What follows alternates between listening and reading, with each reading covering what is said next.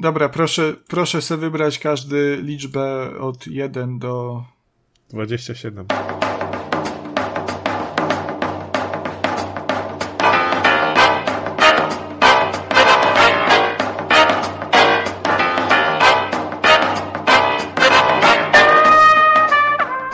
Ja nie wiem, czy już Konrad mówił, czy nie mówił, ale ja dzisiaj jestem tak dosłownie na swoją część, bo no, no mam gości i nie chcę kazać gościom siedzieć przez 2-3 godziny. Czyli Kuba, cicho. ty na końcu opowiadasz. Tak. Ja sobie będę siedział cały odcinek na wyłączonym mikrofonie i Dobra, to Jacoba damy jako pierwszego. Ktoś chce sobie pójść. Macie jakieś w ogóle preferencje, panowie, jeżeli chodzi o e, e, e, kolejność? Nie, nie, może być obojętnie. No to dobra, to ja wylosuję może. Kurwa, nie mam monety. A to by była... Dobra, proszę, proszę sobie wybrać każdy liczbę od 1 do nie wiem, 4. Trzy. 27. No to dobra, to czyli Artur drugi, bo przegrał. Bo był... Mi to rybka, ja mogę nawet być pierwszy. Serio. Nie no, Kuba musi być pierwszy, bo on chce uciec wcześniej. Niestety ale, Kuba ale ja myślę, wybrał że rodzinę Konrad po nasz masz, podcast i to jest, to masz jest wstęp. karygodne. Nożyczka. Co? masz, myślę, że Konrad już ma wstęp do odcinka. Proszę wybrać liczbę od 1 do 4. 27. Dokładnie. No widzicie, Dobra, to- jaką to nie- robię. Artur niech będzie drugi, Robert trzeci będzie, bo chciał trzecim być. Pewnie. Co na kolację było u was dzisiaj, chłopcy? Kanapkę z pasztetem. Hm, ja na kolację O, a jaki jadłem pasztet? ramen. Taki domowy Nie, ramen? nie, taki nie domowy. W galerii. Domowy ramen to rosół. Tak, tak, dokładnie. Czym? No w czym tak. ramen? W galarecie? W galerii. A w galerii. galerii. Więc W Warszawie tak, dokładnie. Mamy galerię. galerię w Warszawie, to jest światowe miasto. No, Ja, ja widziałem, Czyli co po tam prostu- się pod tą galerią dzieje w niedzielę rano. Zależy także, którą. No, Tam z nożami to najlepsze złote tarasy. Nie no, żygali se No tylko. tak, na no po. Złotych Tarasach to zawsze tak jest. Tam jest dworzec zaraz, więc Robert po prostu Każdy się tam zlatuje. nudle, takie instant, poszedł do galerii sztuki i tam jest jadł. Tak, dokładnie. Wziąłem galerii. na tak, wynos i poszedłem do galerii sztuki i tam sobie jadłem i paćkałem makaronem. Chociaż wydaje mi się, że jakbyś takie coś zrobił, to zostało, na przykład w Muzeum Sztuki Nowoczesnej, to zostałoby to odebrane jako taki performance, prawda? I wzbudziłbyś sensację i za, zainteresowanie. Mm, Ekologiczny performance. No właśnie, taki protest klimatyczny by się z tego zrobił. dlaczego, dlaczego klimatyczny? No bo oni No, bo, zawsze ob bo tak protestują. oblewają zupą No. jakieś obrazy. Po, chyba słoneczniki Van Gogha obleli zupą pomidorową, jeśli się nie mylę. Tam była raz sytuacja, że się przykleili chyba do jakiegoś samochodu, w, nie wiem, czy w salonie, czy, czy, czy w czymś. Jakieś to było Ferrari czy coś i ich tam po prostu przyklejonych do tego samochodu klejem zostawili na noc w tej, w tym muzeum, czy co to tam było. Także dobrze, to, to tak to jest właśnie. No, no, myślę, że tak naprawdę nie po, w dobie kryzysu klimatycznego to tak też nie wypada w sumie grać w gierki. E, Chyba, że planszowe. no ale my gramy. Planszowe też nie, bo to papier idzie na te No karty fakt. i, i, i Jeszcze powinniśmy ten, e, chodzić nago, ponieważ produkcja kolorowych ubrań jest jedną z najbardziej szkodliwych e, na całym świecie. Ale przecież chodzimy na go. Tak. wy macie ubrania teraz na sobie w, A przy tej o- o co temperaturze? chodzi? W takiej Tak. temperaturze to jest absolutnie niemożliwe, by mieć na sobie coś. Tak.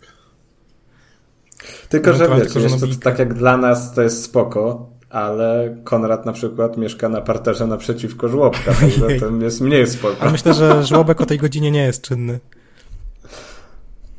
No tak, no. Oby. Dobrze, to może już zostawmy te żłobki za sobą, e, bo jako, że jesteśmy dorosłymi facetami wszyscy, przynajmniej fizycznie, większość z nas również mentalnie, em, teraz się będzie zastanawiać, kogo nam, mam na myśli, e, to no wypada ten żłobek zostawić, jednak przejść w dalsze, prawda, rejony życia.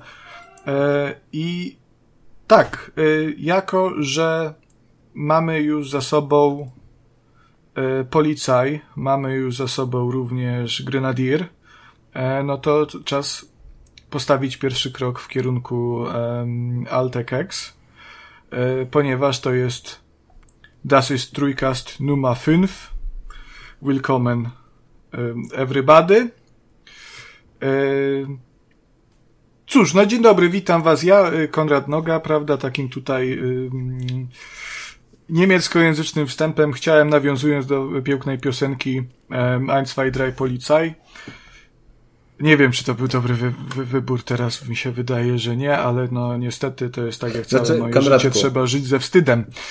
Ja ci y powiem tak, zawsze jak zaczynasz te odcinki, to ja taki w napięciu siedzę, czekam, co ty tam wymyślisz, do czego ten wstęp prowadzi, no i dzisiaj było e, grubo, grubo, tak.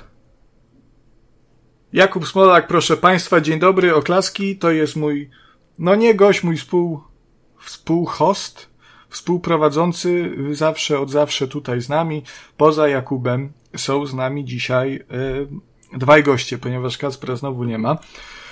Y, natomiast no tutaj nadrabiamy, y, miejmy nadzieję, że, że się da. Myślę, że spokojnie z takimi gośćmi mm, tutaj Kacpra damy radę zastąpić.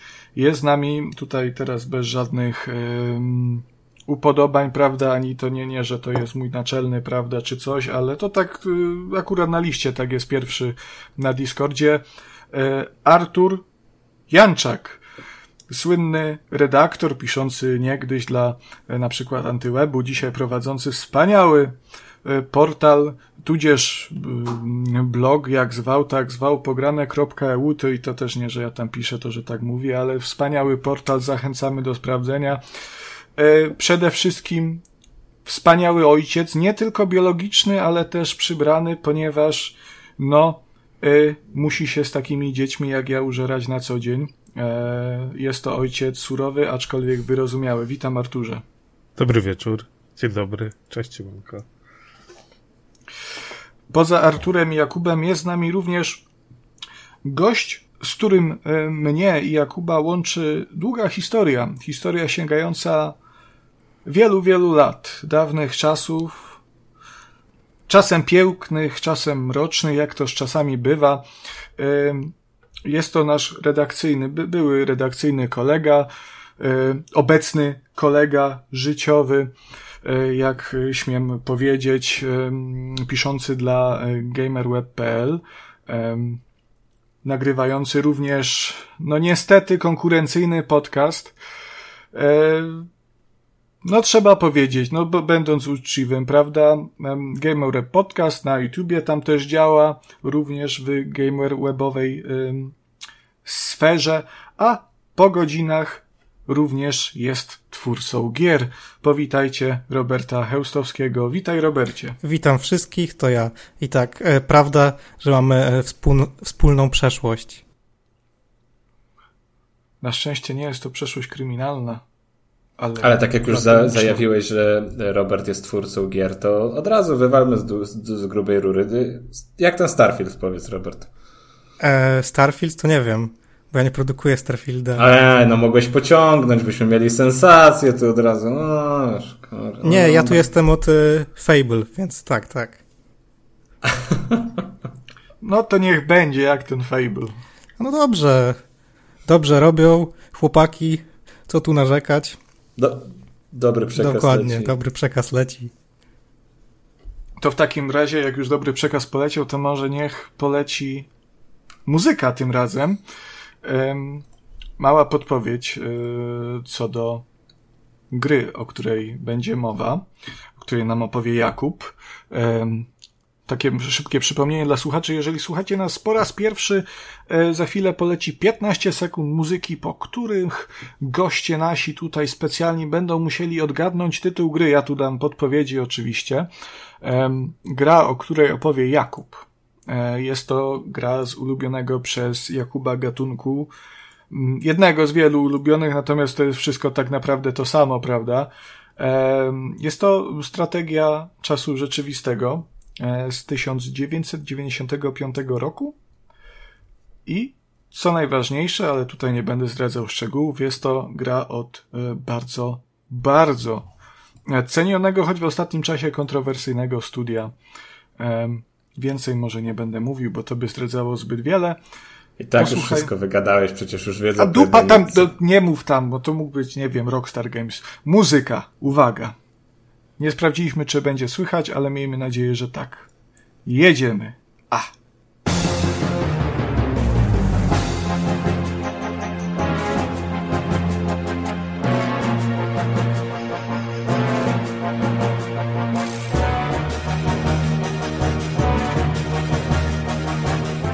Czy ktoś wie, co to był za utwór?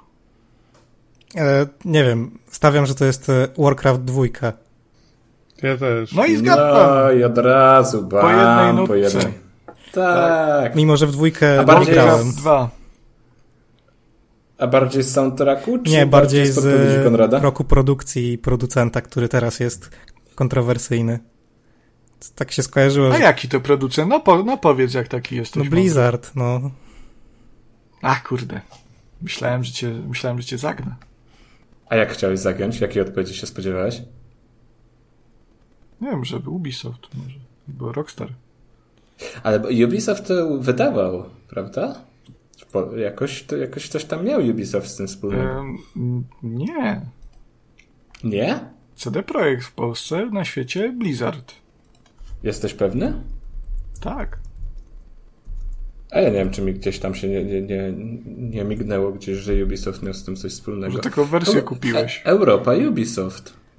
To być może tylko na Europę wydawał Ubisoft. Tak jak sobie e, patrzę na jakimś takim fanowskim portalu, no to widzę, że w Europie wydało je studio Ubisoft. Także jeżeli tutaj możemy e, zaufać www.wiki.fandom.com/pl i tak dalej, to to tak, to. A i co? Chciałeś się popisać? Bardzo proszę. Masz od razu. No, przykro mi bardzo, ale wyszło na to, że lubisz gry Ubisoftu. No i dziękuję, dobranoc.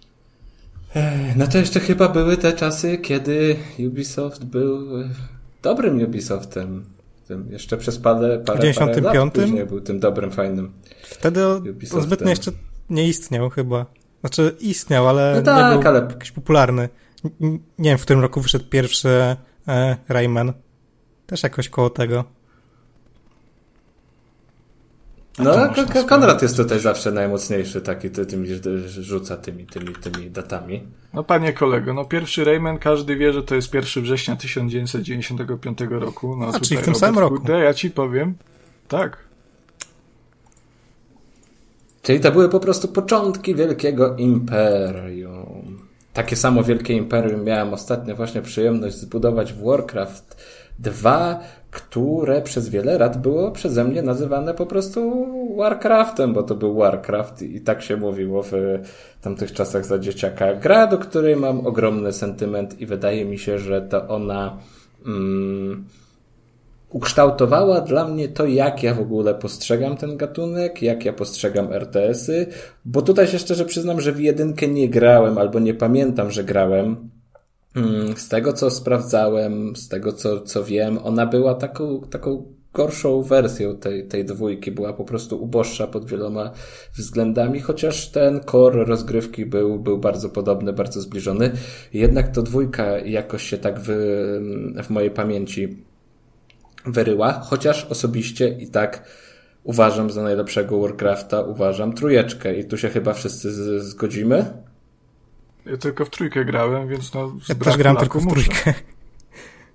No i jak wspominacie, tak taki szybki off-top, no bo to w sumie też według naszych standardów to już by się chyba łapało pod retro, prawda? Tak, trójka raczej by się łapała.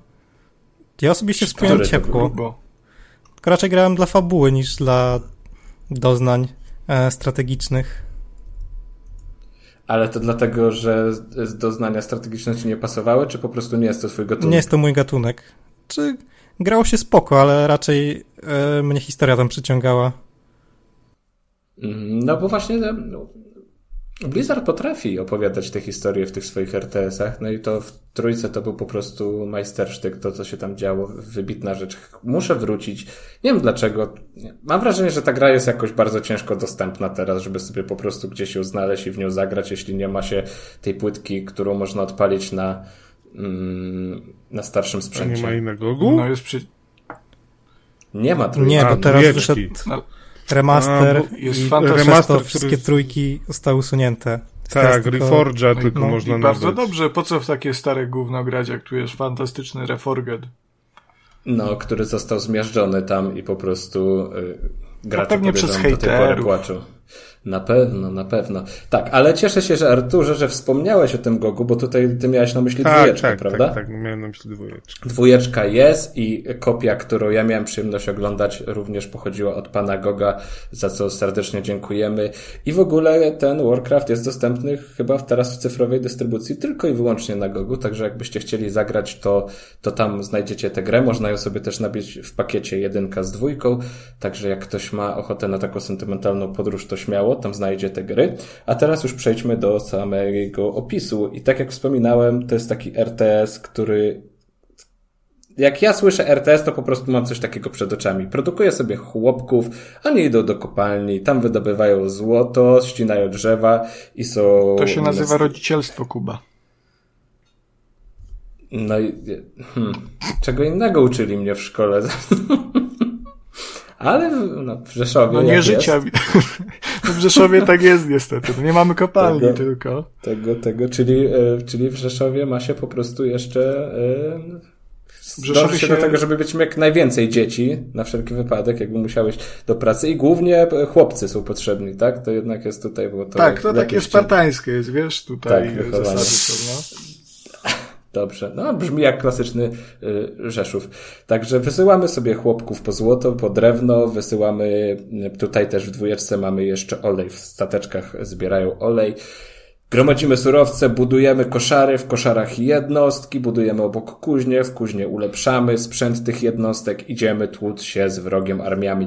I to jest dla mnie taki, taki core RTS-owy i em, wszystko inne to jest takim lekkim pomieszaniem, już takim dla mnie odstępstwem od tej normy, którą bardzo, bardzo dobrze znam.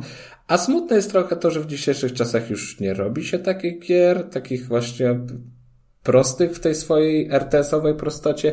Trochę mi tego brakuje. Przy czym te pomysły oczywiście tam na przestrzeni lat zostały rozwijane i tak dalej. To dalej gdzieś tam jest zachowane, tylko mam wrażenie, że czasem jest tego wszystkiego po prostu, po prostu za dużo. Ym, Tutaj, pomimo tego, że ta gra już ma 18 lat, prawda? Dobrze policzyłem? Nie, przepraszam, więcej. 28, 28, 10 lat zgubiłem. 28, tak? Możliwe to jest? No ja mam, ja jestem... Patrz, to ta gra jest starsza mam niż Kacper. 27 lat, więc myślę, że to jest tak To nawet to starszy. całkiem możliwe, wiesz? Ale ja, to teraz do mnie dopiero dotarło, jak ta gra się świetnie broni, bo ja miałem teraz autentyczny fan z ogrywania jej. E, Bo myślałeś, że ma jest 18 lekko do- lat. Tak, tak, tak, tak. To może dlatego. Żyłem w innej... To czekaj, to... No, to wiele to, zmienia. To, to, to, to trójeczka ma już przecież ponad 18 lat. To, Tak, no, pogubiłem tak, się całkiem tak, w tym wszystkim. Kompromitację. Trójka to ma 20 no, chyba. I, i, no, Wszystkie są już tak, pełnoletnie. ale Jak to leci? Czy to znaczy, że niedługo umrzemy? To trochę przykre, trochę smutne, no ale cóż. No, kto umrze, to umrze. Mnie tam zapiszą na, na USB-ku, więc spokojnie. Aha, Na to jest co? jakiś... Na USB-ka Będzie mnie, A- mnie Artur- zgrają. Artur Silverhand będzie po prostu. I tak, tutaj mamy dwie e, nacje, dwie rasy. Są orkowie, są ludzie i oni się ze sobą biorą, jak to na Warcrafta przystało. Takie współczesne nawet bym powiedział, tematyka.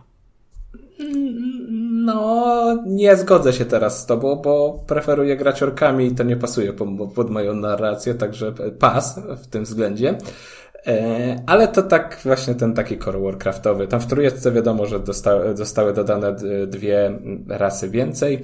Tutaj orkowie ludzie, dostajemy kampanię, po jednej kampanii dla każdej, każdej z tych ras i fabuła jest, bo tak jak Robert wspominał, Warcrafty i Blizzard bardzo dobre fabuły w tych swoich grach robił. Aczkolwiek ja muszę przyznać, że na przestrzeni lat to ja się w tym wszystkim już dawno, dawno, dawno temu pogubiłem, bo jednak to, co robił World of Warcraft, to wywracał to wszystko do góry nogami. Tam się dużo działo rzeczy. Przestałem sobie zawracać w tym głowę. Po prostu wiem, że grając orkami muszę rozwalić ludzi, elfy i całe przymierze, które jest tam zawarte w tym wszystkim. I to też właśnie robiłem w kampanii i grało mi się bardzo przyjemnie, chociaż pierwsze kilka misji, w ogóle jak tam zapostowałem na początku na Twitterze, że gdzie gram w tego Warcrafta, to dostałem kilka komentarzy, że, że to już jest trochę niegrywalne, że poziom trudności jest bardzo mocno przegięty. Nie zgodzę się, bo te pierwsze 3-4 misje kampanii są, są takie samouczkowe, bardzo łatwe, a później miało się nagle zrobić ostro i gorąco. No nie, nie zrobiło się, nie jest tak tragicznie. E, wydaje mi się, że ta kampania jest no dość mocno skryptowa, także nawet jeżeli za pierwszym podejściem nam coś nie wyjdzie, to za drugim powinno, bo po prostu y, zapamiętujemy i uczymy się, jak to wszystko działa. I ona jest w dalszej ciągu grywalna pod warunkiem, że przyzwyczaimy się do, nie wiem, pracy kamery, ruchu jednostek, bo to wszystko jest już trochę archaiczne, no ale też nie ma, nie ma co się dziwić.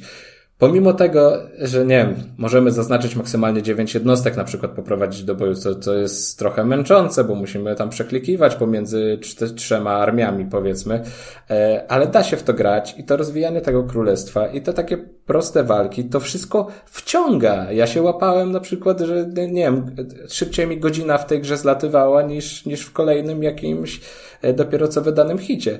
Także to jest bardzo zastanawiające i bardzo ciekawe, że po tylu latach dalej taka gra potrafi tak bawić, a wydaje mi się, że to troszkę za sprawą tego, że właśnie jest wymagająca, mm, a zdrowo wymagająca. I po prostu czu, czułem się zaangażowany grając cały czas. Rozegrałem też sobie mapki takie, takie pojedyncze, takie dla jednego gracza, że tam sobie wybierasz, ile ma być złota na start, ilu przeciwników i tak dalej. I tam faktycznie tam się robiło już wesoło. Tam już trzeba się spiąć i grać y, na, na szybkość, kombinować. Koszary muszą być szybko, bo jak przyjdzie wrogie wojsko składające się tam na początku z trzech chłopków, to już jesteś pozamiatany. Także tam już taki, taka typowa rywalizacja RTS, RTS-owa wchodzi.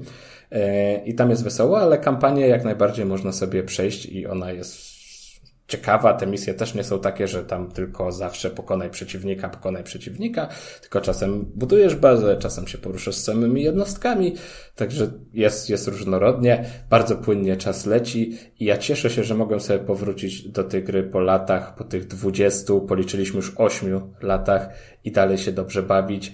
Co teraz, jak o tym myślę, dłużej bardzo mnie szokuje. Też mnie szokuje w sumie to, że jak myśląc dalej, mając w głowie wiek tej gry, jak zaczynałem te samouczkowe misje, to tam faktycznie, nie wiem, e, miałem katapulty, łuczników i walczących wręcz, ale później wraz z kolejnymi misjami były dodawane kolejne elementy, kolejne budynki, kolejne ulepszenia i tej zawartości tam się naprawdę sporo robi, bo są jacyś ogrzy, tak to się odmienia, mam nadzieję, są smoki.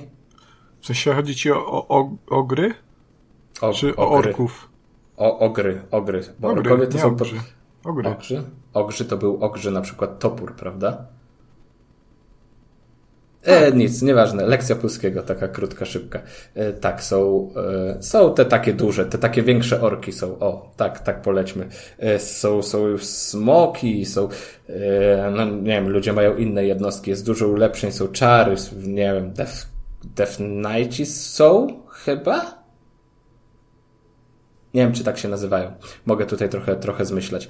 Mm, także jak najbardziej, jeżeli ktoś ma sentyment, to przy drugim Warcraftie myślę, że jest ciągle w stanie dobrze się bawić. Osoby bez sentymentu raczej zajrzą tylko z czystej takiej ciekawości po prostu, żeby zobaczyć jak to kiedyś było i raczej się odbiją, ale jeżeli chciałoby się przeżyć te emocje jeszcze raz, to spokojnie można sobie z tą grą kilka godzin spędzić i będzie, i będzie ok. A grałeś w podstawkę, czy też w dodatek? On chyba jest Grałem w wersji gogowej. Y, tak, on jest, on jest już wliczony w wersję gogową, tam możesz sobie wybrać. Przed rozpoczęciem kampanii grałem w podstawkę. Y, jeśli chodzi o kampanię.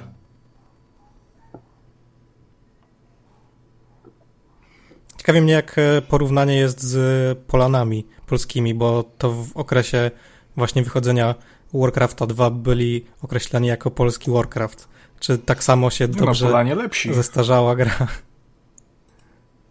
Polanie, Polanie, Polanie. Ja Polanów jakoś tak bardziej ubogo wspominam. Grałem na pewno, ale wspominam tak, nie wiem, W dwie części nawet. ubogo. Że to jakaś taka dużo prostsza gra była. Nie, nie, mniej to złożona. był RTS taki pełnoprawny, a w dwójce nawet doszły elementy e, RPG. I ta gra była zaawansow- bardziej zaawansowana niż Warcraft 3 pod pewnymi względami. O, widzę, mamy tutaj fanboya. Nie, Fanboya nie. mamy. Patriotę. Dokładnie. A widzisz, może teraz po prostu jak spoglądam na screeny, to dlatego jakoś tak w mojej pamięci się wryła jako ta bardziej ubo uboga patrzysz na pierwszą? gra, bo... E, tak, No to tak, to była taka podróbka Warcrafta dwójki. tam też było to wszystko w brązach utrzymane, w takich właśnie sz- szarościach, odcieniach. Oj, ale ta dwójka to bardzo źle wygląda. No teraz tak. To jedynka dobrze. E, Znaczy nie, no powiem ci, że po prostu taka oprawa jak w Warcraftie drugim lepiej się starzeje niż to, co jest w tych polanach. To po prostu, ale to też Blizzard jest z tego znany, że on potrafił robić tak oprawę graficzną, która lata wytrzymywała i ciągle w jakiś sposób była, była atrakcyjna. No jeżeli sobie Ale teraz... strasznie mi się podoba, strasznie mi się podo- to podoba w tym Warcraftie 2, bo to oglądam sobie gameplay z tego e, i są ci ludcy rycerze i w, mimo, że to jest zupełnie inna grafika, nie, niż w trójce i, i nawet niż w WoWie, to to wszystko jest ze sobą naprawdę bardzo spójne, wizualnie, e, pomimo upływu lat i zmiany technologii. To widać na pierwszy rzut oka, że to jest Warcraft. Znaczy też powiem ci tak, jakby ktoś teraz jakieś niezależne studio wywaliło newsa, że wydają grę RTS e, niezależną indie i ona wy, wyglądała jak Warcraft 2, to, to w ciemno bym poszedł, że to, o, ale świetna oprawa, taka, taka oryginalna, takie mają coś, tak, odwołanie do klasyki i tak dalej, a pomimo tego by mi się podobała w dalszym ciągu. Jest to polskie... No jest, stu- w przeciwieństwie do pierwszych Polan wygląda bardzo fajnie. Drugi Warcraft wciąż. Jest to polskie studio, które robiło grę Book of Demons i bodajże oni robią teraz y, RTS-a tylko na podstawie StarCrafta, a nie Warcrafta. Więc nie wiadomo, jak tam będzie grafika. No tak, ale oni nie robią drugiej gry, to nie jest dalej ta gra z tego Books. Tak, to jest dalej z Books. serial. I to już, wyszło w, to już wyszło w Early Accessie. Tak, wyszło to już? Proszę. Tak mi się, tak mi się wydaje. Bo Book of Aliens? Druga część? Tak, tak, możliwe. Nie... A nie, to przecież nakłamałem cię. Coming soon. To jeszcze wydaje mi się, że coś w międzyczasie było, albo kłamie. Kłamie, przecież, że kłamie. Ja zawsze kłamię. To jest taki XCOM chyba bardziej, nie? To Book of Aliens. A, myślałem, że to jest StarCraft, to jest jednak XCOM. No, taki, XCOM, taki tak, trochę wycięty z kartonu. Tak, bo te Book of No Demons jest- też takie było. To było Też Diablo z kartonu. No, panie Arturze. zresztą. Pan Artur nie zna Book of Demons? Za rzadko robię w, Ojej! za rzadko robię w kartonie chyba. To jest wyśmienita gra. To jest jedna z, z moich w ogóle ulubionych gier ostatnich lat. Bardzo się wkręciłem i to jest, no jeżeli pan się lubuje w Diablo i w hack slashach, to, to jak najbardziej trzeba sprawdzić. A lubuję, ja potwierdzam, Artur się lubuje, bo tylko w to na streama gra. No. W basenie nic nie nagrywa, tylko Diablo 4 ciągle. Dokładnie. I w kółko. Ja podejrzewam, Wcale że nawet nawet teraz teraz, leci ze streamem. Co nie? Wcale nie gram w Diablo w tym tam momencie, wcale. Wcale nie grasz w Wcale, tym momencie w w. Diablo. Nic nic. Ale grasz na streamie? Bo jak grasz na streamie, to weź tam chociaż zareklamuj. Nie, nie, streamy są w poniedziałki, środę i piątki. Mhm. O której godzinie? 15. O 15. Dobrze. E, Czy chcielibyście coś jeszcze wiedzieć o Warcraftie 2? Ja chciałbym dodać od siebie, bo wy Proszę, mówiliście proszę. Warcraft i w ogóle i tak fajnie i super, a ja Warcrafta dwójkę poznałem na PlayStation. Bo w ogóle moje, O, jedne z moich pierwszych przygoda. przygód takich RTS-owych, takich własnych, nie u kogoś, bo ten, e, bo, bo, bo PC-ta miałem dość późno w swoim życiu, a że uwielbiałem RTS-y w tamtych czasach, no to na szczęście takowe były też właśnie na, na PlayStation. I, I w Warcrafta, i w KKND, em, Populusa grałem po raz t- tak na poważnie właśnie na, na PlayStation. To, to, to nie było łatwe. Ale... Ale tam myszka chodzi, co nie? U Artura słychać. A, myszka, przepraszam. E, Kolejne mopki lecą. Trochę tak, ale tak jak, tak jak mówię, to, to musi się e, przybijać. I powiem wam, że to było solidnie zrobione. Zresztą w ogóle i pierwsze Diablo, i, i Warcraft pod PlayStation były mega solidnie zrobione. Tam, e, tam można było się przyczepić. Oczywiście do sterowania, no bo jak to i na padzie, i w ogóle, i jako dzieciak, który chciał grać w gry, miałem na to totalnie wywalone i byłem w stanie te gry przechodzić od A do Z, więc chyba nie było aż tak trudne, jak wszyscy mówią, pamiętają i płaczą.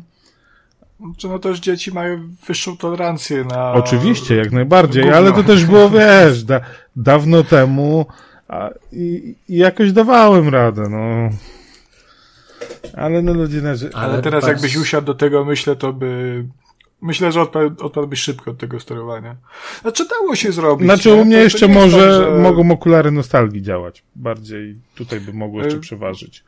Bo tak często mam ze to starszymi grami, które oczywiście już grałem, że jednak no, nie, nie przeszkadzają mi te rzeczy, no bo kiedyś mi nawet nie przeszkadzały. E, ale tak, jak najbardziej. No ale w tamtych czasach mówię, ludzie mówili, że się nie da grać w RTS na konsoli.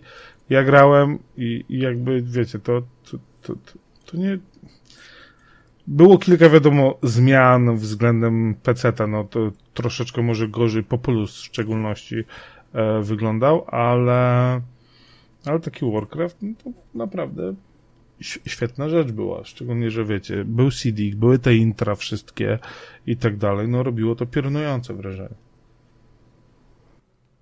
No, ja pamiętam, jestem- że u nas gdzieś po, po, po wsiach ta płytka z Warcraftem drugim to po prostu latała od osoby do osoby i jak tylko była twoja kolej, żeby ją posiąść i sobie pograć, to, to była duża radość. Mm, piękne, piękne to były czasy, jak trzeba było tam jechać do kogoś, nie wiem, 7, 8, 10 kilometrów, żeby płytkę pożyczyć. I zawsze ta adrenalinka, czy jak wrócisz do domu i to ona będzie działać, czy, czy może jednak gdzieś tam po drodze już coś się zadziało i nie będzie działać. Co się miało zadziać po drodze, Kuba, jak się... Umówmy się, wypierdoliłeś się na tym rowerze, porysowałeś koledze płytę, tak? I o to chodziło. Ja zawsze byłem, ja zawsze byłem grzeczny, jeśli chodzi o to i oddawałem wszystkie płyty i też starałem się szanować i chować do pudełka, a nie, że takie tam odwrócone na drugiej stronie leżały. Czyli hejs komunii też oddałeś? E, hajs z komunii, czekaj. Na, wiem, że wiem, że kupiłem rower na pewno za hajs z komunii, a resztę mogłem tak. Podzieliliśmy się porówno po prostu. Dobrze, Kuba, chcesz coś jeszcze dodać? Ktoś, ma... Ktoś chce coś jeszcze dodać inne o Worldcraftie 2? Rozumiem, że milczenie oznacza. Tak sobie nie. jeszcze spoglądam, spoglądam Albo na screeny tak. z tej gry i te, te portreciki są piękne, te drzewka są takie piękne, w ogóle te światy, że tu mamy lód, śnieg, wybuchające owce są, bo jak się naklika na owce, to wybuchają. No, no jest fenomenalnie zrobione. Jeszcze nie pochwaliłem y, oprawy dźwiękowej, soundtracku, który mieliście okazję wysłuchać. Też fenomenalny, w ogóle odgłosy wydawane przez jednostki, te wszystkie teksty, tam jest sporo kultowych. Czy ten fragment, tekstów. który słyszeliśmy, był z intra? Dobrze pamiętam? Czy to było z pierwszej misji, jak Eee, był ten prolog, introduction? Było z intro, ale niewykluczone, W że Menusie też było. No właśnie, tak, tak, Tak, tak, właśnie tak, tak, tak, newsach. tak się zastanawiałem, bo skojarzyłem od razu, ale potem się zastanawiałem dokładnie z którego jeszcze momentu. Bo lubię takie Tak rzeczy pamiętać. jeszcze na te pływające stateczki, w ogóle ten sam kursor, że to jest taka orkowa łapa, że, że się dało mieć stateczki latające i pływające i tam chyba cztery typy tych pływających było. To od groma, to szaleństwo. Ja chcę teraz więcej takich, takich RTS-ów. No, a nie tam, że, że jakieś Company of Heroes, że tu trzeba takie jednostki, a tu takie, to chować je za barykadami, a tu tak i tyle niż... A nie, to Age of Empires musi być 4? takie- Wiesz co, nie grałem jeszcze, przyłapałeś mnie, tak. Yy, Bo to jest chyba już chyba miałem kiedyś pobronę i mi się Game klasyczną modłę najbardziej teraz. Tak, to to wszystko idzie No, w, to- w trochę w system ten 4x4. Chociażby Duna poszła w to. A, ale Age of Empires 4, tak no, jeżeli ktoś lubi starodawne, tak to nazwijmy, RTS-y, e, na których się wychowaliśmy, to, to, to ten Age 4 może tu być e, ratunkiem dla ciebie. Podobało mi się, jak ostatnio na Twitterze ktoś zapytał właśnie o RTS-owe polecajki i to wygląda tak, że wymieniasz tam, nie wiem, trzy, cztery tytuły i się lista kończy. I po prostu, no dobra, w to grałem, w to grałem, w to grałem, w to grałem, coś jeszcze macie do polecenia? I, i nie ma, po prostu jest, no, posłucha, posłucha. Bo próg wejścia w takie gry jest, y, jest um, trochę wyższy i często mi się wydaje, że po, też, też ludzie patrzą na to, ile może trwać jedna sesja. Oczywiście to tylko takie moje jakieś przypuszczenia, ale jednak ludzie kojarzyli kiedyś przynajmniej strategię z, wiecie, tu trzeba wiedzieć, tu trzeba myśleć, tu trzeba robić. Nie to, że taki LOL wcale nie wymaga, moim zdaniem, mniej jeszcze czas reakcji, buildy, nie, cuda nie widzę, ale no, może to, to, to, to te RTS nie były tak nigdy nie wiem, czy dobrze rozreklamowane, dobrze przedstawione, że one nie są ani aż tak e, skomplikowane albo coś, bo tak trochę bazuje na tym, jak, jak moi znajomi lata temu reagowali i za bardzo nie lubili, ale też wiem, że za bardzo nie próbowali. I, i, i może to, to, to cały czas gdzieś tam jest i jakby się kontynuuje, że, że te RTS-y to tak jakby, wiecie, wymagały nie wiadomo czego, a tak naprawdę każdy by mógł je odpalić sobie grać. Ale to takie moje gdybanie gdzieś tam.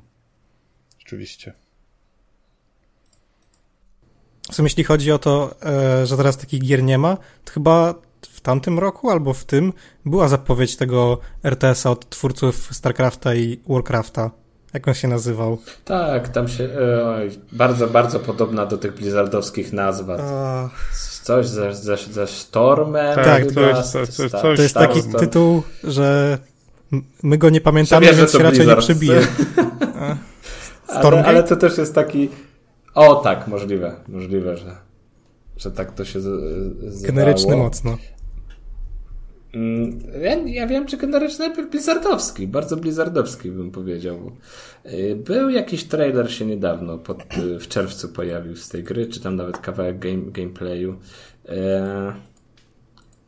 no i to wygląda jak najbardziej okej, okay. więc chętnie bym to sprawdził, chętnie bym zagrał. Tylko tu jest to, to free to play trochę takie niepokojące. No co to się będzie działo pod tym ym, kątem? Czy to tylko dlatego, żeby było właśnie nastawienie na, na multiplayer sieciowy? Eee, no, to ja nigdy nie przepadałem w RTS-y rywalizować jakoś bardzo z innymi graczami. Wolałem kampanię albo no, po prostu się z komputerem pomyczyć. Bo jestem słaby, Konrad, w gry. No przecież jak się nie gra w gry, często, to się jest słabym w gry. Nie wiesz, jak to działa? A poza tym pamiętajmy, pamiętajmy o jednej rzeczy. Y, gry multiplayerowe, gry kooperacyjne, takie gry gram sam, tak? To, jest... to wszystko. Po co z innymi graczami?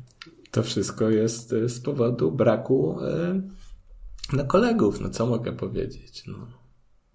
Ty nie piszesz, nie dzwonisz. Ja się dobijam do ciebie za każdym razem. Mówię, Konrad, chodź, pogramy w Fortnite'a. Nie, no bo zawsze czasu. do mnie o Fortnite'a piszesz, jak akurat jem obiad o 21.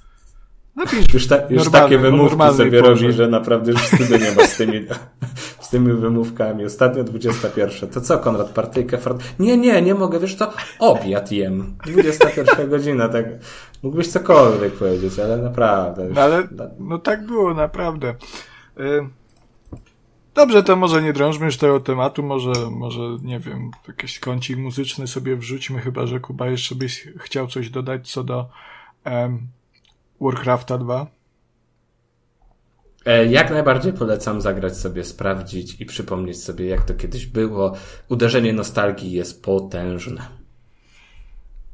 Dobrze, no to zobaczmy, czy uderzenie nostalgii będzie równie potężne w przypadku gry Artura. E, w moi, od razu powiem, że w moim, moim przypadku nie, bo w ogóle nie mam e, z tą grą żadnych przygód. Jest to trzecia gra z serii, wydana w 1998 roku.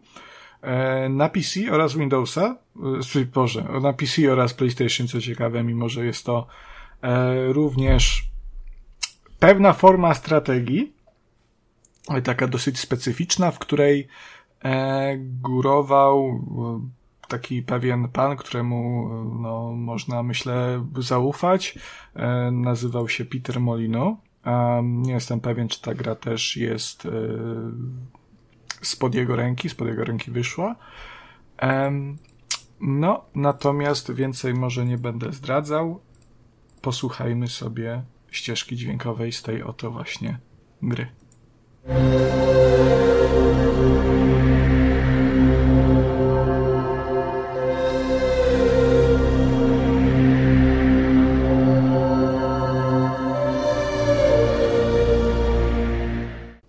Ktoś ma pomysł, co to było? Bo ja bym nie miał. To od razu powiem. Pa, pas, e, jeśli chodzi o mnie. Nie pas, pas, nie, pas to nie był, nie. Mm, nie mam pojęcia, ale jakbym Robert to też na pewno nie. Chyba była taka gra Creatures, ale nie wiem, czy to ona. Są tam stworzenia, e, ale nie, dobra, nie zgadniecie, bo ja sam bym nie zgadł. E, to jest seria w sumie z perspektywy czasów dzisiejszych e, dość niszowa, mi się wydaje, i już bardzo mocno zapomniana, e, mimo że stworzyła podwaliny pod cały gatunek, no ale no, ja nie będę o niej opowiadał.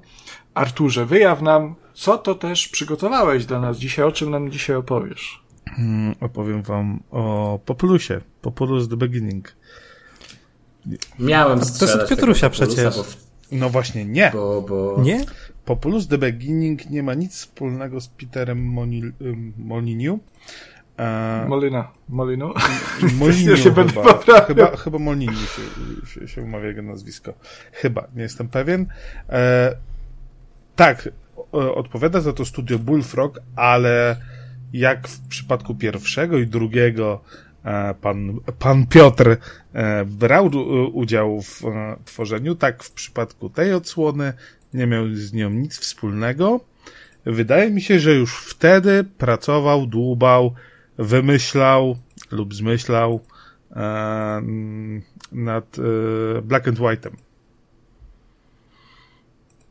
Ja w to grałem.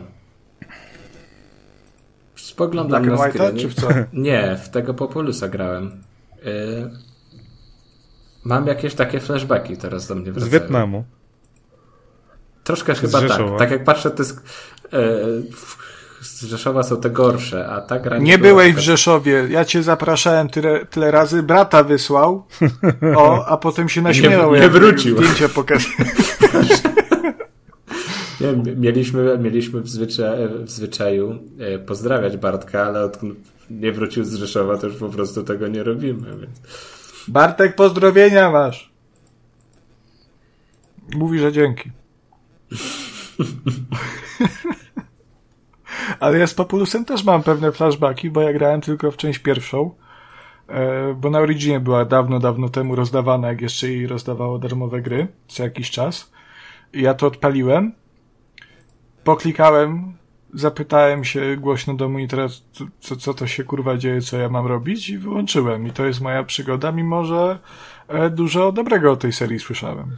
Tak. Pewnie dlatego, że w jedynkę grałeś. jedynka jeszcze była taka dosyć przestarzała, to chyba dwójka była taka bardziej mm. e. Tak, dostępna. Tak, ale um, jedynka i dwójka były dość mocno podobne do siebie, mimo tego, że tak jak wspominasz, ta jedynka, no już teraz bardzo ciężko, żeby, wiecie, wrócić i się zapoznać, jest taka bardzo hmm, jakby to nazwać, szorstka w odbiorze. E, ale trójka, trójka już mało miała wspólnego pod względem takich mechanik i, i ogólnie e, bliżej była mm, takim właśnie RTS-om, jak tutaj wspomnieliśmy, jak Warcraft, e, jak Command Conquer i, i, i tak dalej.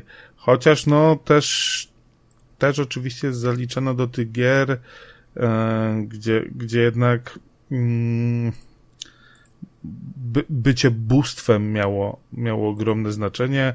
Teraz nie mogę tego znaleźć, to były, nie chcę powiedzieć godlajki, tylko God To Game. jest God Game. O, God Games. God Games, no. Więc y, to, to jakby się pod to łapało. E, No ale jednak, y, bo trójka wyszła dość późno, tak naprawdę aż cztery lata prawie po, po podwójce, z tego względu, że czekali na, na rozwój technologii. Nie chcieli, wiecie, robić tego w 2D, chcieli to zrobić w 3D. No i rzeczywiście, zrobili to w 3D, chociaż jeszcze z wykorzystaniem e, sprite'ów 2D, bo, bo, bo wszystkie jednostki, e, część, część czarów, bo tam są czary, co, co zaraz zresztą opowiem, e, no, no, były 2D, ale tak to cała reszta, całe otoczenie, już, już były w trójwymiarze. No i to robiło, szczególnie w 98 e, mega wrażenie. Ja miałem okazję zapoznać się najpierw z demem na PC-cie, no a potem w pełną wersję już na, e, na PlayStation, ale jakby te, te, te rzeczy oczywiście zostały zachowane. Tutaj gracz wciela się w szamankę. Szamankę, która ostatecznie ma się stać Bogiem, ale żeby stać się Bogiem, e, albo bóstwem raczej, no musi, musi się trochę tutaj napracować.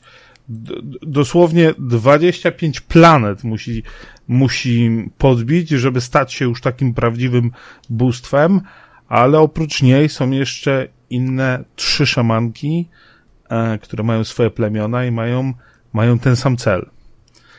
E, No i będą nam tutaj jakby w, dość mocno przeszkadzać w e, osiągnięciu e, marzenia naszej protagonistki. E, No jest to taki klasyczny, znaczy może nie to, że klasyczny, ale jest to oczywiście RTS-ik. Mamy, mamy, mamy jednostki podstawowe, tak zwanych chłopków, którzy jedyne, co musieli tak naprawdę zbierać, to było drewienko. Bo drewienko było potrzebne do, do tworzenia domków, takich zwykłych. To już gorsza gra niż Warcraft, bo tam było złoto też. Tu, tu złoto nie było jest. potrzebne, ale poczekaj, zaraz ci powiem, jest jedna rzecz, która przebija Warcrafta pod każdym względem. Poczekaj. E, nawet trójeczkę zjada na śniadanie i wiele współczesnych gier. Z prostej jednej przyczyny tam jest jedna jednostka, która zamiata wszystko. No czy dobra, może nie Age of Empires, ale to, to możecie już się powoli domyślać. Goła baba. Nie.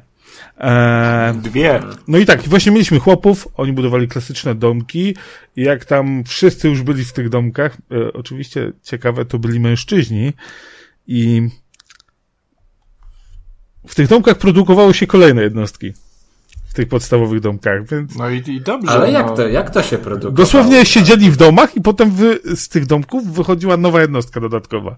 Czyli nowy chłop. I co oni Dwóch powiedzmy robili? siedziało w Co domku oni? i nagle z domku wychodził trzeci. I mieliśmy już trzech A, chłopów. Artur, oni tam nie siedzieli. No ale ja mówię, co było tylko widać. O, może tak. No i tak, pierwszą taką budowlą, którą mieliśmy, to była budowla, e, oprócz tych domków, to, to była ta, ta, taka szkółka wojowników i, i ci chłopi mogli właśnie tam pójść, e, ćwiczyć i, i, i jakby zamieniać się w tych wojowników.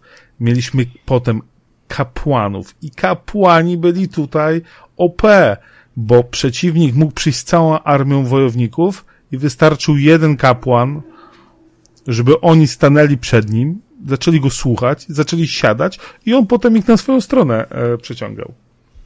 To teraz Ale to czekaj, nie a kiedy my- kiedy my na politykę chodzi, zeszliśmy? No bo jesz, patrz, idzie szamanka z całą armią na twoją, e, na twoją osadę, wysyłasz kapłana e, na, na tą armię, a ty swoją szamanką zajmujesz się ich szamanką.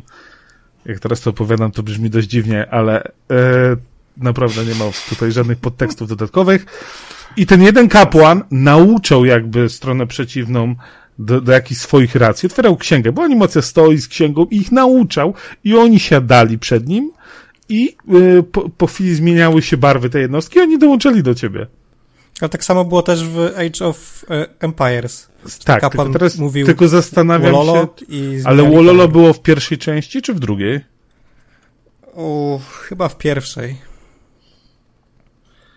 A, To Wololo to jest bo mi się jest wydaje, że w drugiej było.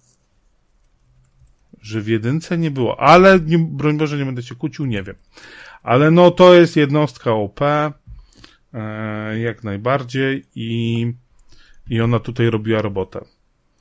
E, inną kluczową sprawą tutaj w całej tej grze było to, że była sama szamanka, bo szamanka może jakbyśmy puścili i miałaby się tam z kimś bić, to ewentualnie zwykłego chłopka byłaby w stanie trochę sklepać, ale no z wojownikiem no już jakby by szans tutaj nie miała. E, natomiast ona mogła posługiwać się czarami. Im więcej planet podbijaliśmy, ty, tym więcej czarów znała. I te czary były naprawdę konkretne, ponieważ e, one, część z nich na przykład wpływało też na otoczenie. Mieliśmy czar, który mm, tworzył e, most w rzece, więc nasze jednostki mogły przejść na drugą stronę.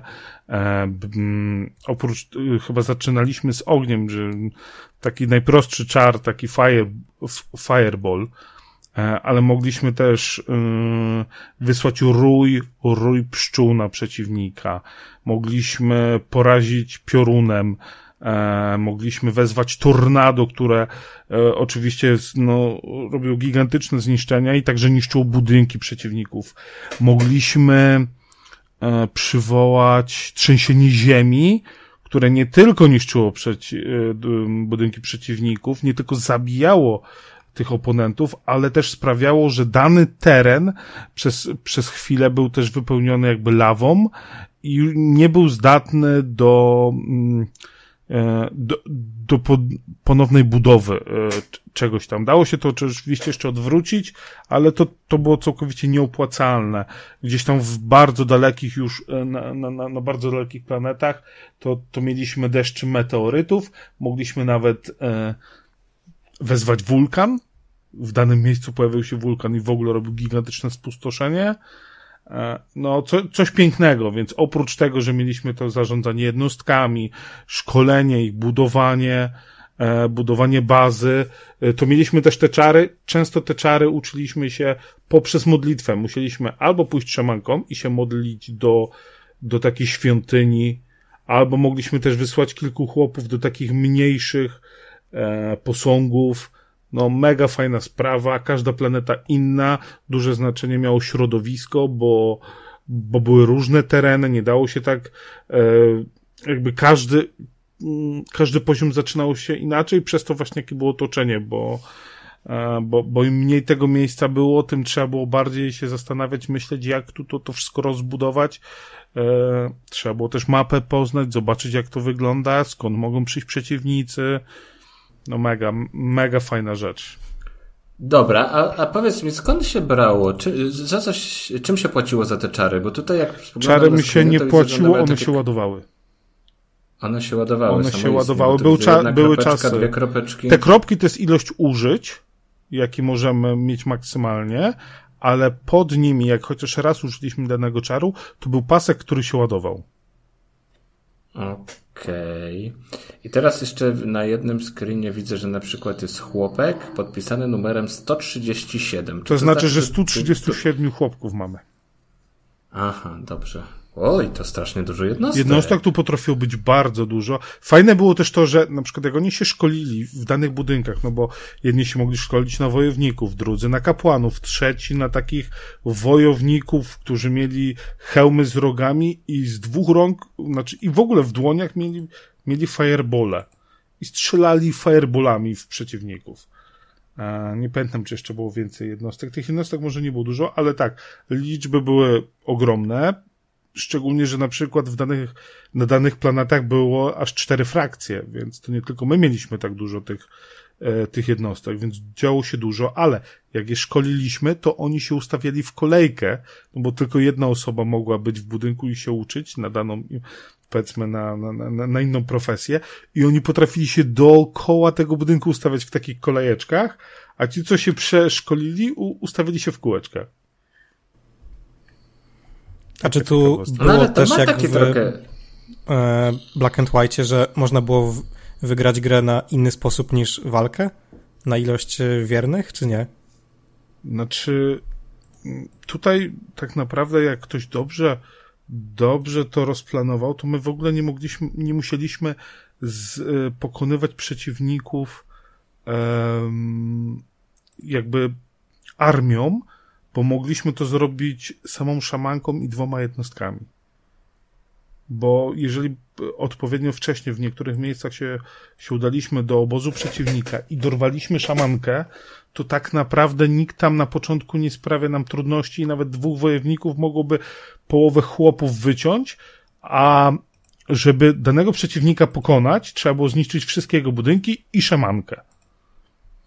E, więc... A to jest właśnie teraz mi się tak przypomniało, jak gadamy o, o RTS-ach, że to był e, w wielu tych starych RTS-ów, RTS-ach taki wyznacznik, mm, że wygrałeś, jak pokonałeś wszystkie jednostki, wszystkie budynki i w Warcraftie też było Ale tutaj jednostki nie. Tutaj jedyną jednostką Aha. taką była szamanka i budynki.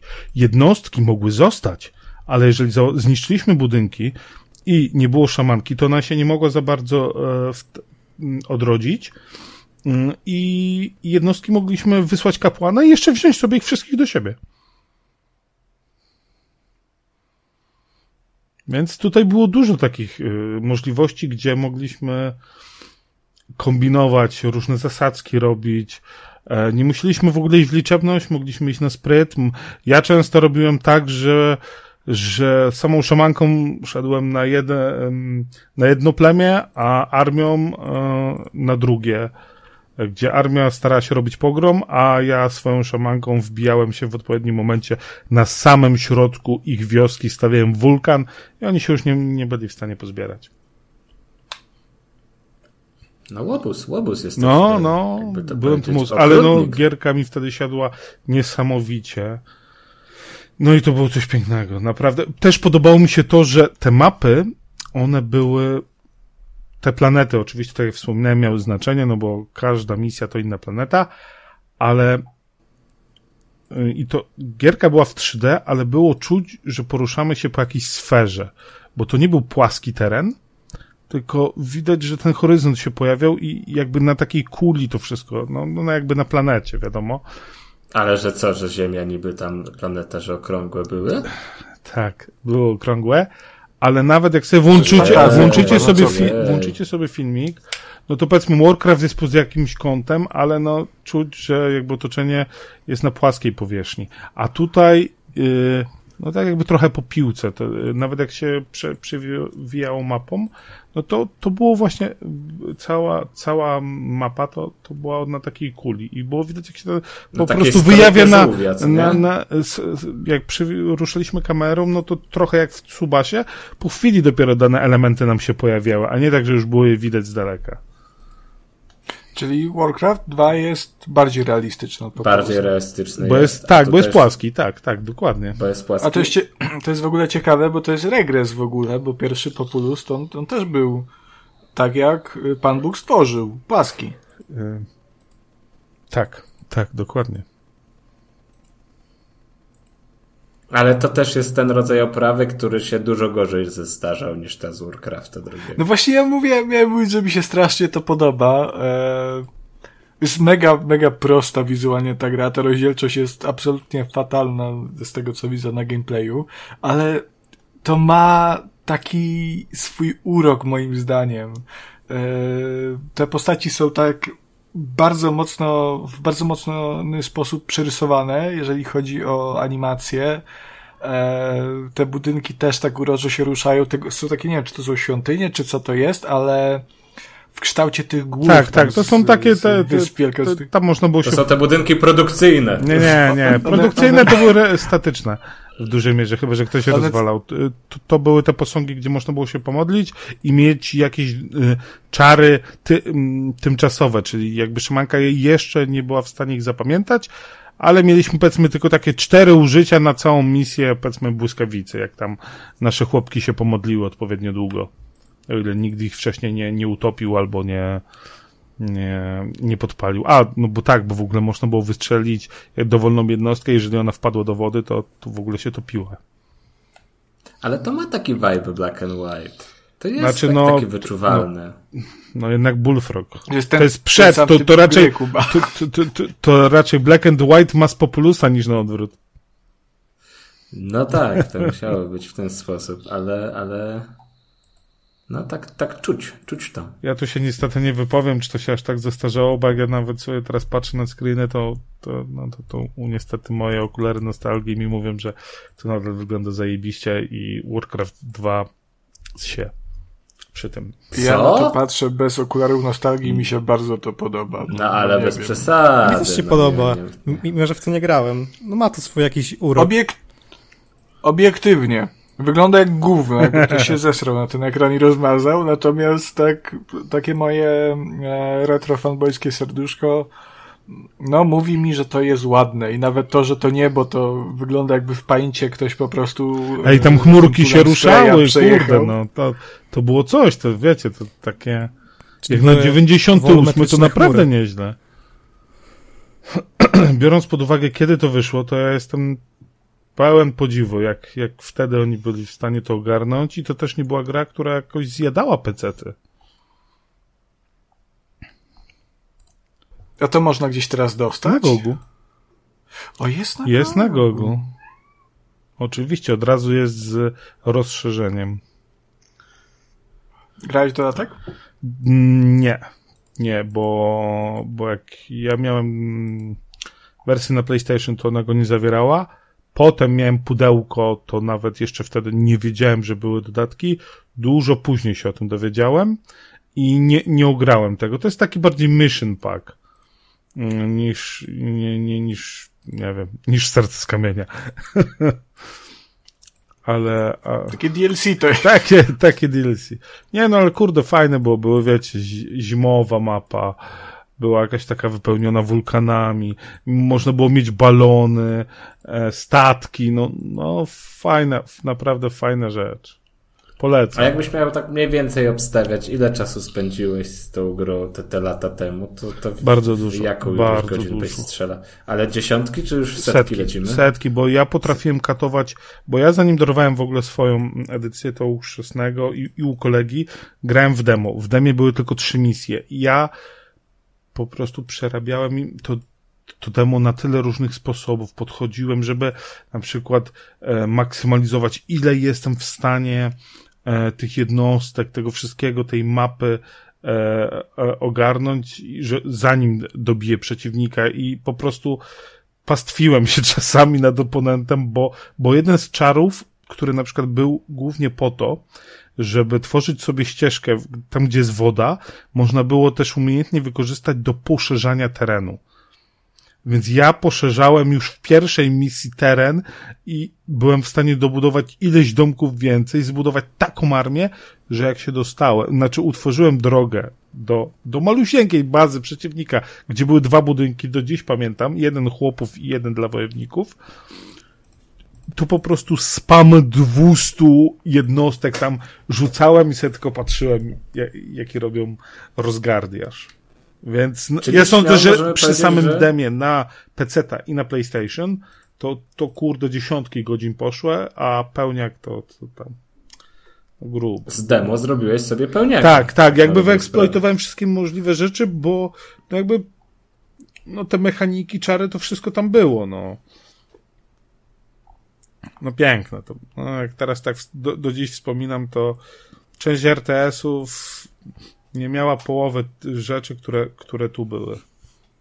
No ciekawi mnie, czy faktycznie w to grałem, bo jakoś tak jak patrzę na ten interfejs, to wszystko wydaje mi się jakieś podejrzanie znajome i tak. Kuba, ten interfejs wygląda jak w każdym RTS-ie z lat 90. Oj, nie, nie, nie, nie, no, nie, nie, Kuba, no ja, no jak nie? Nie, te zaklęcia, to wszystko to wygląda inaczej. Bo, bo kulki są i pasek się napełnia. Tak, ale no ale to, to jest... Command Conquer miał Ka... chyba z prawej strony, tak? Dobrze pamiętam? Tak. Miał ten swój. No tu jest ta różnica, że te czary rzeczywiście, no, ale tak to, to, to taka klasyka, tylko tylko jakby kolorystycznie pasuje to, to do klimatu gry i może dlatego. Konrad może Bartek będzie pamiętał, bo on, wiesz, on był ten, tym starszym bratem, on no był starszy, więcej pamięta z tamtych lat, więc weź go zapytaj, czy, czy graliśmy, czy mieliśmy. To teraz nie może mówić, bo ma Na następnym odcinku.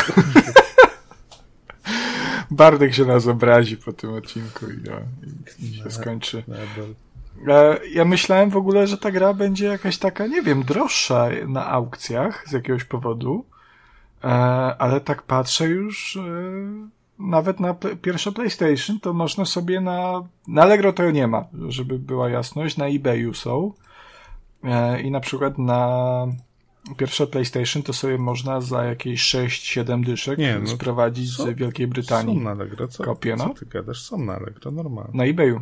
Ale na Allegro też są. Są? Tak, wydanie premierowe 45 zł. Tylko Co be, bez, bez, bi, be, bez Big Boxa. W Rzeszowie nie ma.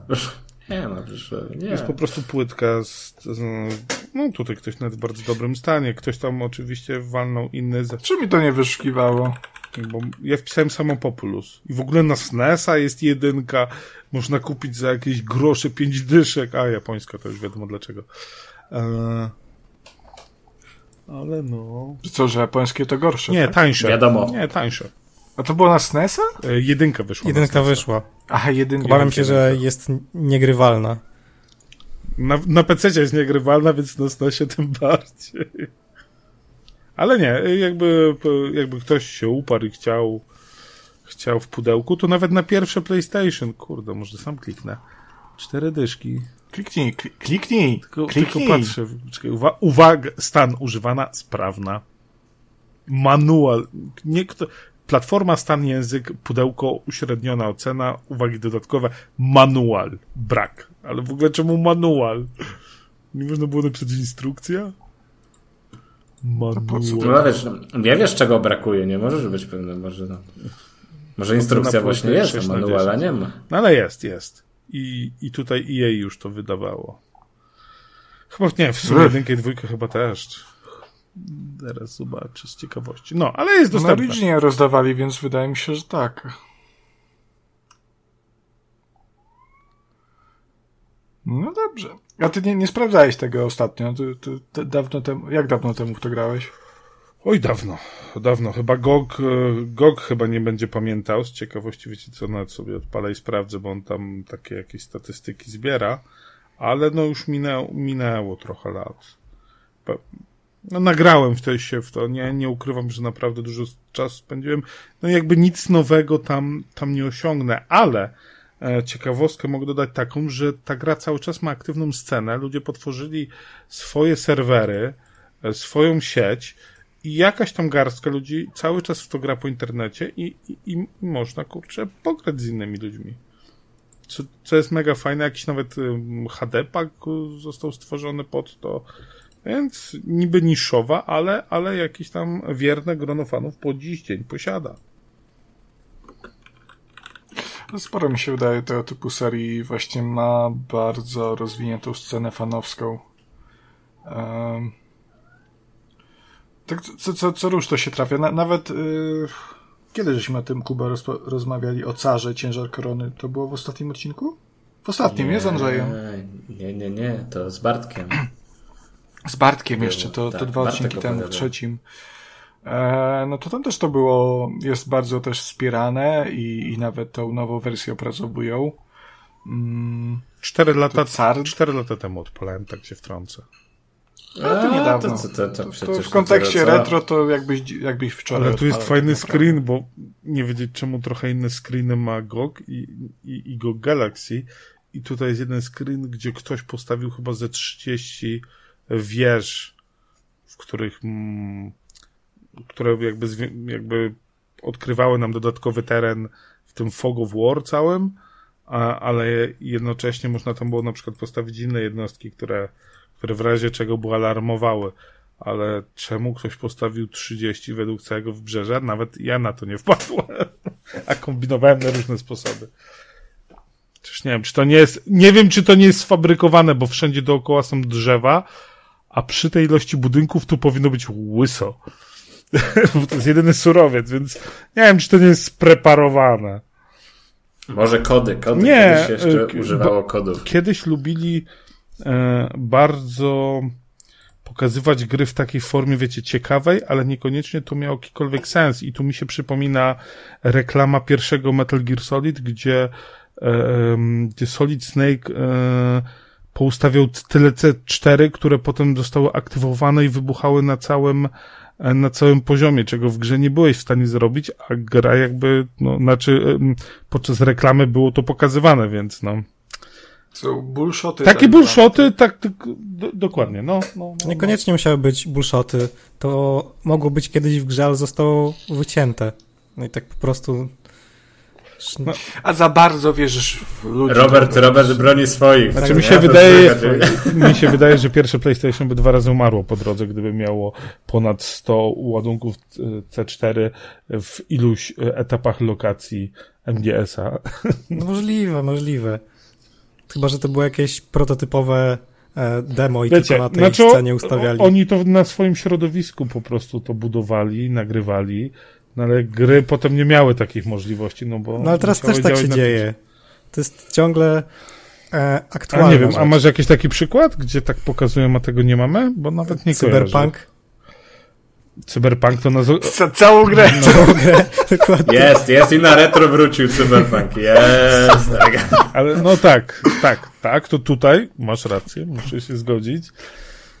No, ale Tak to no bym musiał pomyśleć, ale no... No wiem, Watch Dogs wcześniej. ma rzeczy, których nie ma w finalnych wersjach. Tak, to, to też prawda. Tylko w takiej innej formie po prostu troszeczkę. Jakby trochę się to zmieniło, ale tak, operujemy. Czy może nabrało trochę bardziej mocniejszego marketingowego wydźwięku po Mhm. prostu. Tak, tak, bardzo ładnie powiedziane. Dobrze. W takim razie przyszła ta pora. Przyszła ta pora, kiedy em, zostałem zdradzony przez Jakuba Smolaka. Jesteśmy tutaj w Trójkaście, tak, tak się uważamy, przynajmniej ja tak uważałem dotychczas, taką podcastową rodziną. Okazuje się, że Jakub ma drugą rodzinę. I tę rodzinę wybrał ponad naszą i niestety, jak mnie poinformował w wiadomości, no nie SMS, tylko na Messengerze, e, niestety musi nas opuścić, ponieważ e, no, rodzinne spotkania, takie tam FIFA, Rafa, głupoty, e, zamiast normalnie jak człowiek cywilizowany o gierkach porozmawiać, starych, o których nikt już nie pamięta. I no cóż, no dziękujemy Ci Jakubie że byłeś z nami tyle, ile byłeś, wycisnąłeś, wydaje mi się, czas do ostatniej nitki. Także, Jakubie, jakieś słowo końcowe? Dziękuję, dziękuję. Myślę, że to będzie odpowiednie słowo. Dziękuję Tobie, Konradzie, dziękuję gościom. Artura miałem okazję, przyjemność posłuchać. Roberta nie, za co serdecznie przepraszam, ale mam nadzieję, że będziemy mieć jeszcze okazję porozmawiać nie raz, nie dwa, nie trzy, a więcej. E, Także dziękuję bardzo wszystkim słuchaczom, dziękuję Wam za uwagę i tak jak wspomniał Konrad, będę się zabierał. Do usłyszenia, do zobaczenia. Pa! Pa, pa. A Wiedersehen, Jakub. Czy, czy teraz, Widzi, słyszymy się za tydzień. czy, czy, czy teraz to jest solocast? Bo, bo z, Yy, trójcy, z no nie no, była teraz- dwójca. Teraz jest, nie no, teraz jest dopiero trójkast, bo jest nas trzech, prawda? To tak to był że quadrocast. To nie jest skład oryginalny. Czwórkast, no po prostu jest, słuchaj, prosta nazwa. To, taką nazwę żeśmy wybrali, żeby to potem się ładnie skalowało. Kiedyś nas będzie na przykład nagrywało 120, to będzie 120, 120 okaz. No i wszystko elegancko. Piękna wersja, tak. to DLC nadchodzi. To wiesz, w trójkę nagrywaliśmy, jak tak dobrze poszło, to zdarzało się po 4 godziny, także w 120 osób to by tak mogło być 3 miesiące nagrania, nie? E, Musicie Battle Passa wprowadzić. Dobrze. nie no, jeszcze nie. Na razie mamy kawę. Jakby ktoś nam chciał kawę e, postawić, to zapraszamy do e, opisu. Tam będzie link. Mm, Zachęcamy, nie zmuszamy. Mm, Natomiast do czego zmusimy, to zmusimy teraz Roberta, żeby nam porozmawiał, poopowiadał o jakiejś grze fajnej. Mm, Wiem z e, ze swoich sprawdzonych źródeł, czyli od Roberta, że to będzie w sumie no taka bardzo fajna gra, lubiana dosyć, dosyć w szerokim gronie. E, Do, do tego stopnia, że kolejne jej e, sequele są raz, wyczekiwane, dwa, że no, też hejtowane, jak się pojawił już. Tytuł pochodzi z 2003 roku. Został wydany na PlayStation 2, na Xboxie, na GameCube nawet i na e, komputerach PC z systemem Windows. Mm, W, tamtych, w, w tamtym czasie jeszcze z Windowsem XP dodam. W fatalnej wersji, bo ja akurat na, na Windowsie w to grałem i to jest w ogóle jakiś koszmar, ale to już mniejsza o to. E, I co ciekawe, jest to też gra e, od wydawcy Warcrafta 2, jak się podobno okazuje według Kuby, czyli od Ubisoftu. E, ale nie przedłużając, posłuchajmy, jak też ta gra brzmi.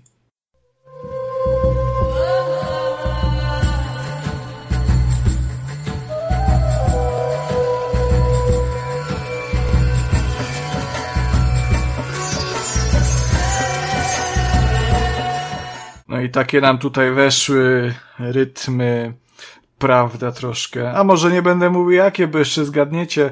Znaczy to, umówmy się, ta piosenka, ten utwór był dedykowany tobie, Arturze. Fa Czy może wiesz, co to jest? Kleopatra albo Faraon?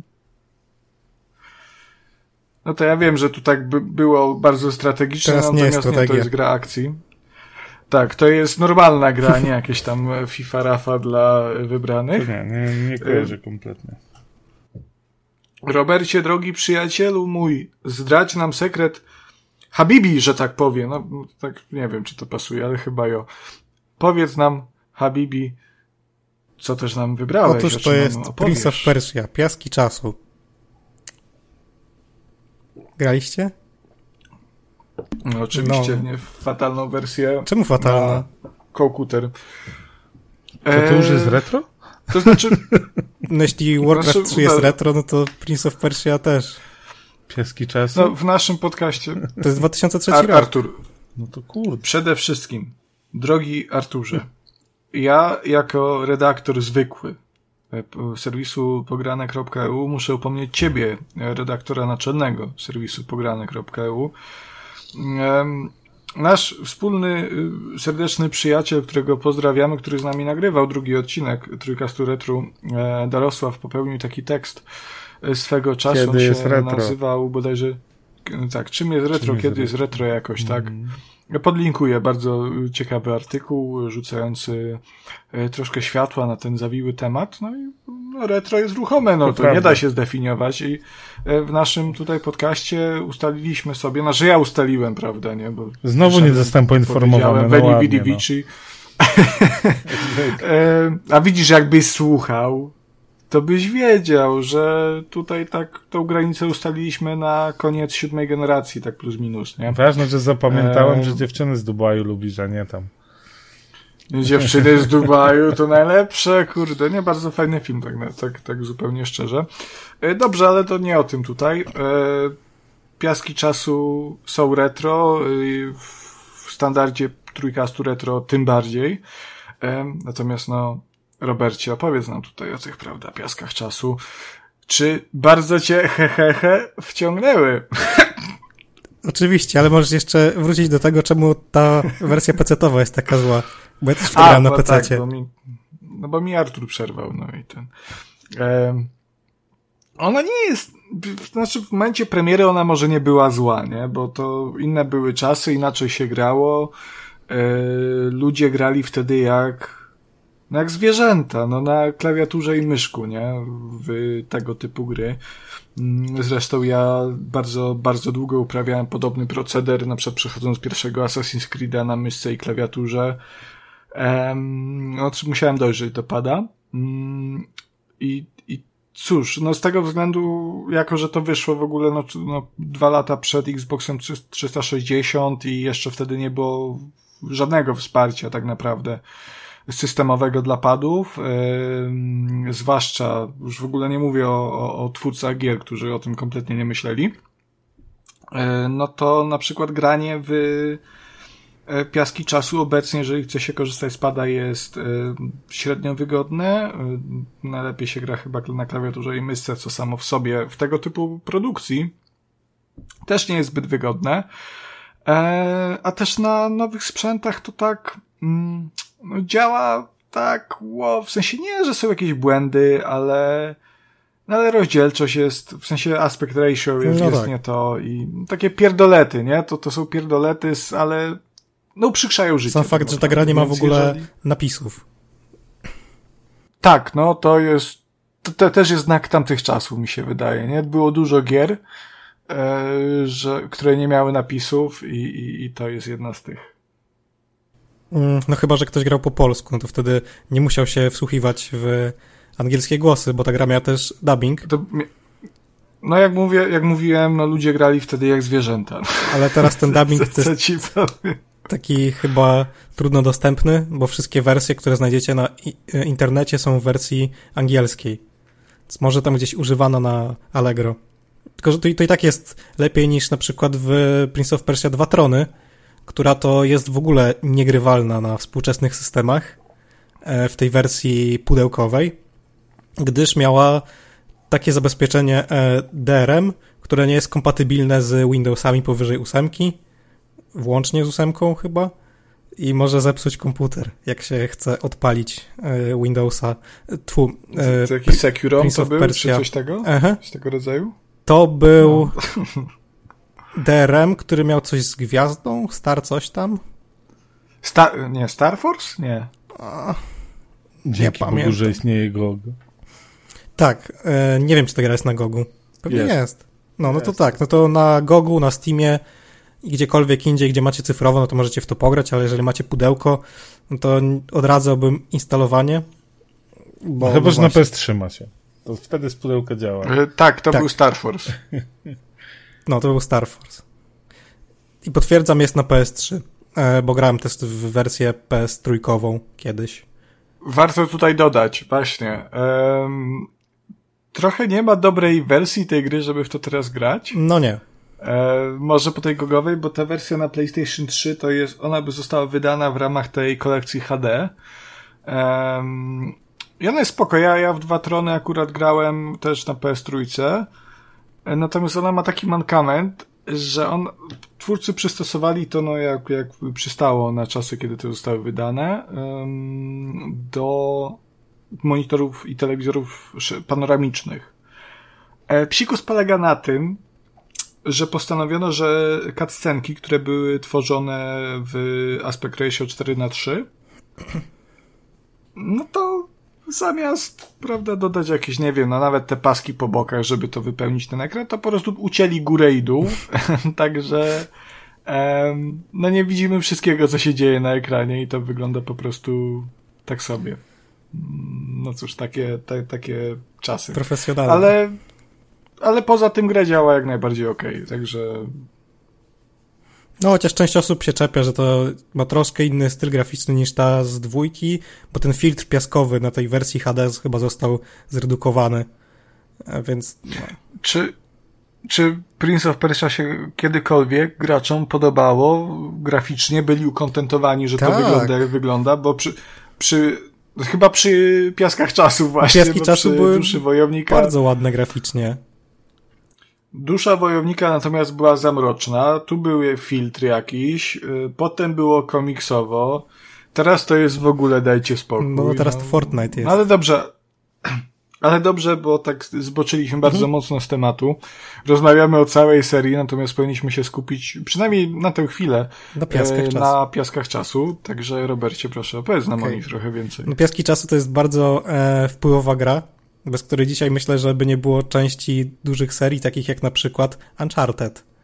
Gdyż to jest jedna z pierwszych gier, która wprowadziła e, ten parkour, jakby platformowe, e, filmowe doznania. To już nie jest e, skakanie po platformach, ale bardziej bieganie po ścianach, e, wspinanie się i tak dalej. Więc myślę, że Prince of Persia piaskom czasu możemy e, pogratulować e, prowadzenie takich mechanik, które dzisiaj kojarzymy właśnie z Uncharted. Dlatego myślę, że warto e, pokusić się o sprawdzenie tej gry, jeżeli ktoś nie grał. Ona wciąż jest bardzo grywalna, przynajmniej dla mnie, ale ja ją grałem kilka lat temu e, i przechodziłem ją właściwie od tego czasu e, co rok.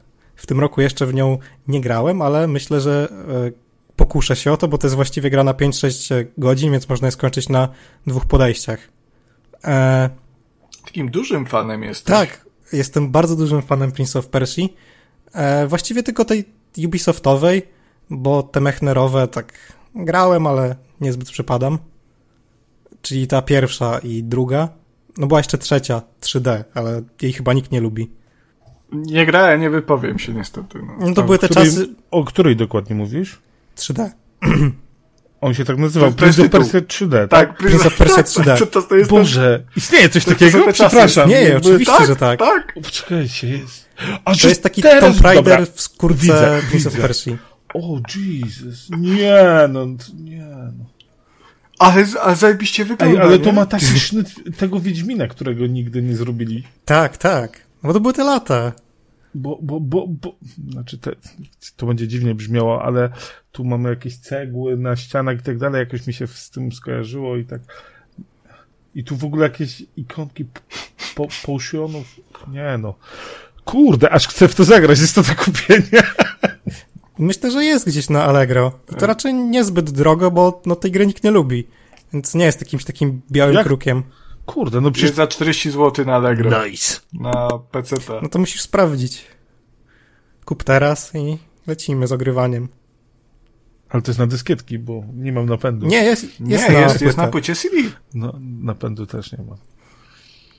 Mhm. No to kupisz sobie, pobierzesz... Yy... Ciekawe, czy na Gogu A to jest. wersja językowa niemiecka Ej, nie, jest nie, za to, to, 40 to można taniej, tu za 14,90 ktoś sprzedaje. Gdzie? Allegro. Ja muszę cię nauczyć. Jak ty to wyszukujesz, że nie widzę takich rzeczy? Naprawdę jesteś kiepski w to Allegro. Wiem, że odchodzimy od tematu, ale ty, ty, tu musisz skilla trenować, bo To Filtrujesz ja potem po jakieś gry o ciężarówkach ściągam z nie, Holandii. ja pisałem Prince of Persia 3D i tyle. Nic Aha. więcej. Ale ja też! No, no ale naprawdę, no wyskoczyła mi pierwsza za 29 zł, kilka niżej, sama płyta 14,90. Gra, i to jest edycja z, z 91 numeru CD Action. No proszę, z CD Action jeszcze. A to się nie liczy. Ale nawet, no, Więc weź mi orygi- to wyślij, bo ja dalej tego nie widzę. A bo to w przygodowych teraz. A bo ty, Jezus, ale, to- bo ty, Czemu to jest takie Bo, trudne? bo, bo ty pewnie klikasz jakieś dziwne kategorie, po prostu wpisujesz tytuł, klikasz szukaj i, nie, i, i tyle. I, i jako Tak. całość ci szuka, bo ty to za... Na Allegro się nie opłaca sobie- szukać po kategoriach. Tak, dokładnie, bo ludzie Na- wrzucają we wszystkie. Ja raz grę znalazłem w ogóle swoje- nie w dziale gry w, w bardzo dobrej cenie, więc... Też kiedyś miałem, że w książkach chyba była gra. Tak, tak, dokładnie, bo czasami ludzie się pomylą i nie patrzą na to. Bo na przykład Allegro, Allegro lokalnie automatycznie ci potrafi wybrać kategorię i to potrafi się pomylić i pewnie nie patrzą. I na swoje usprawiedliwienie ja wpisałem w Google'a Prince of Persia 3D i tam był link do Allegro i to mi wyskoczyło z dopiskiem PC. Okej, to już, Potem to już ale że to dalej było w Już przygodowych. wiemy, że Konrad nie umie w szukaniu na Allegro i okazji, więc Jestem starym pewnie człowiekiem. tą grę na Mega Drive'a też się dał kupić dwa razy taniej. Kurwę. Dobrze, ale wróćmy, bo jestem mistrzem odchodzenia od tematów, za co was bardzo przepraszam. Wróćmy do, do, do meritum. Spokojnie, jesteś w trójkaście, nie? Tu Ja jest, wiem, to jest ja wiem, ja wiem, ja wiem. Ja wiem. Tak, ale to w sumie e, bardzo dobrze, bo wystarczy sobie porównać Prince of Persia 3D z Prince of Persia Pieski Czasu, by zobaczyć, jaki postęp miała względem e, platformowych sekcji. Bo właściwie Prince of Persia 3D to jest taki Tomb Raider, e, ten pierwszy Tomb Raider, czyli e, sterowanie czołgu, stawanie przed platformą, celowanie na milimetry, żeby się chwycić tej platformy. Mm.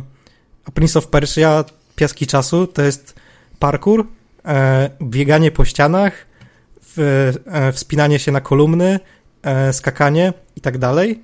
Twórcy mocno inspirowali się tutaj, nie wiem czy kojarzycie, Konrad pewnie tak, grą Ico.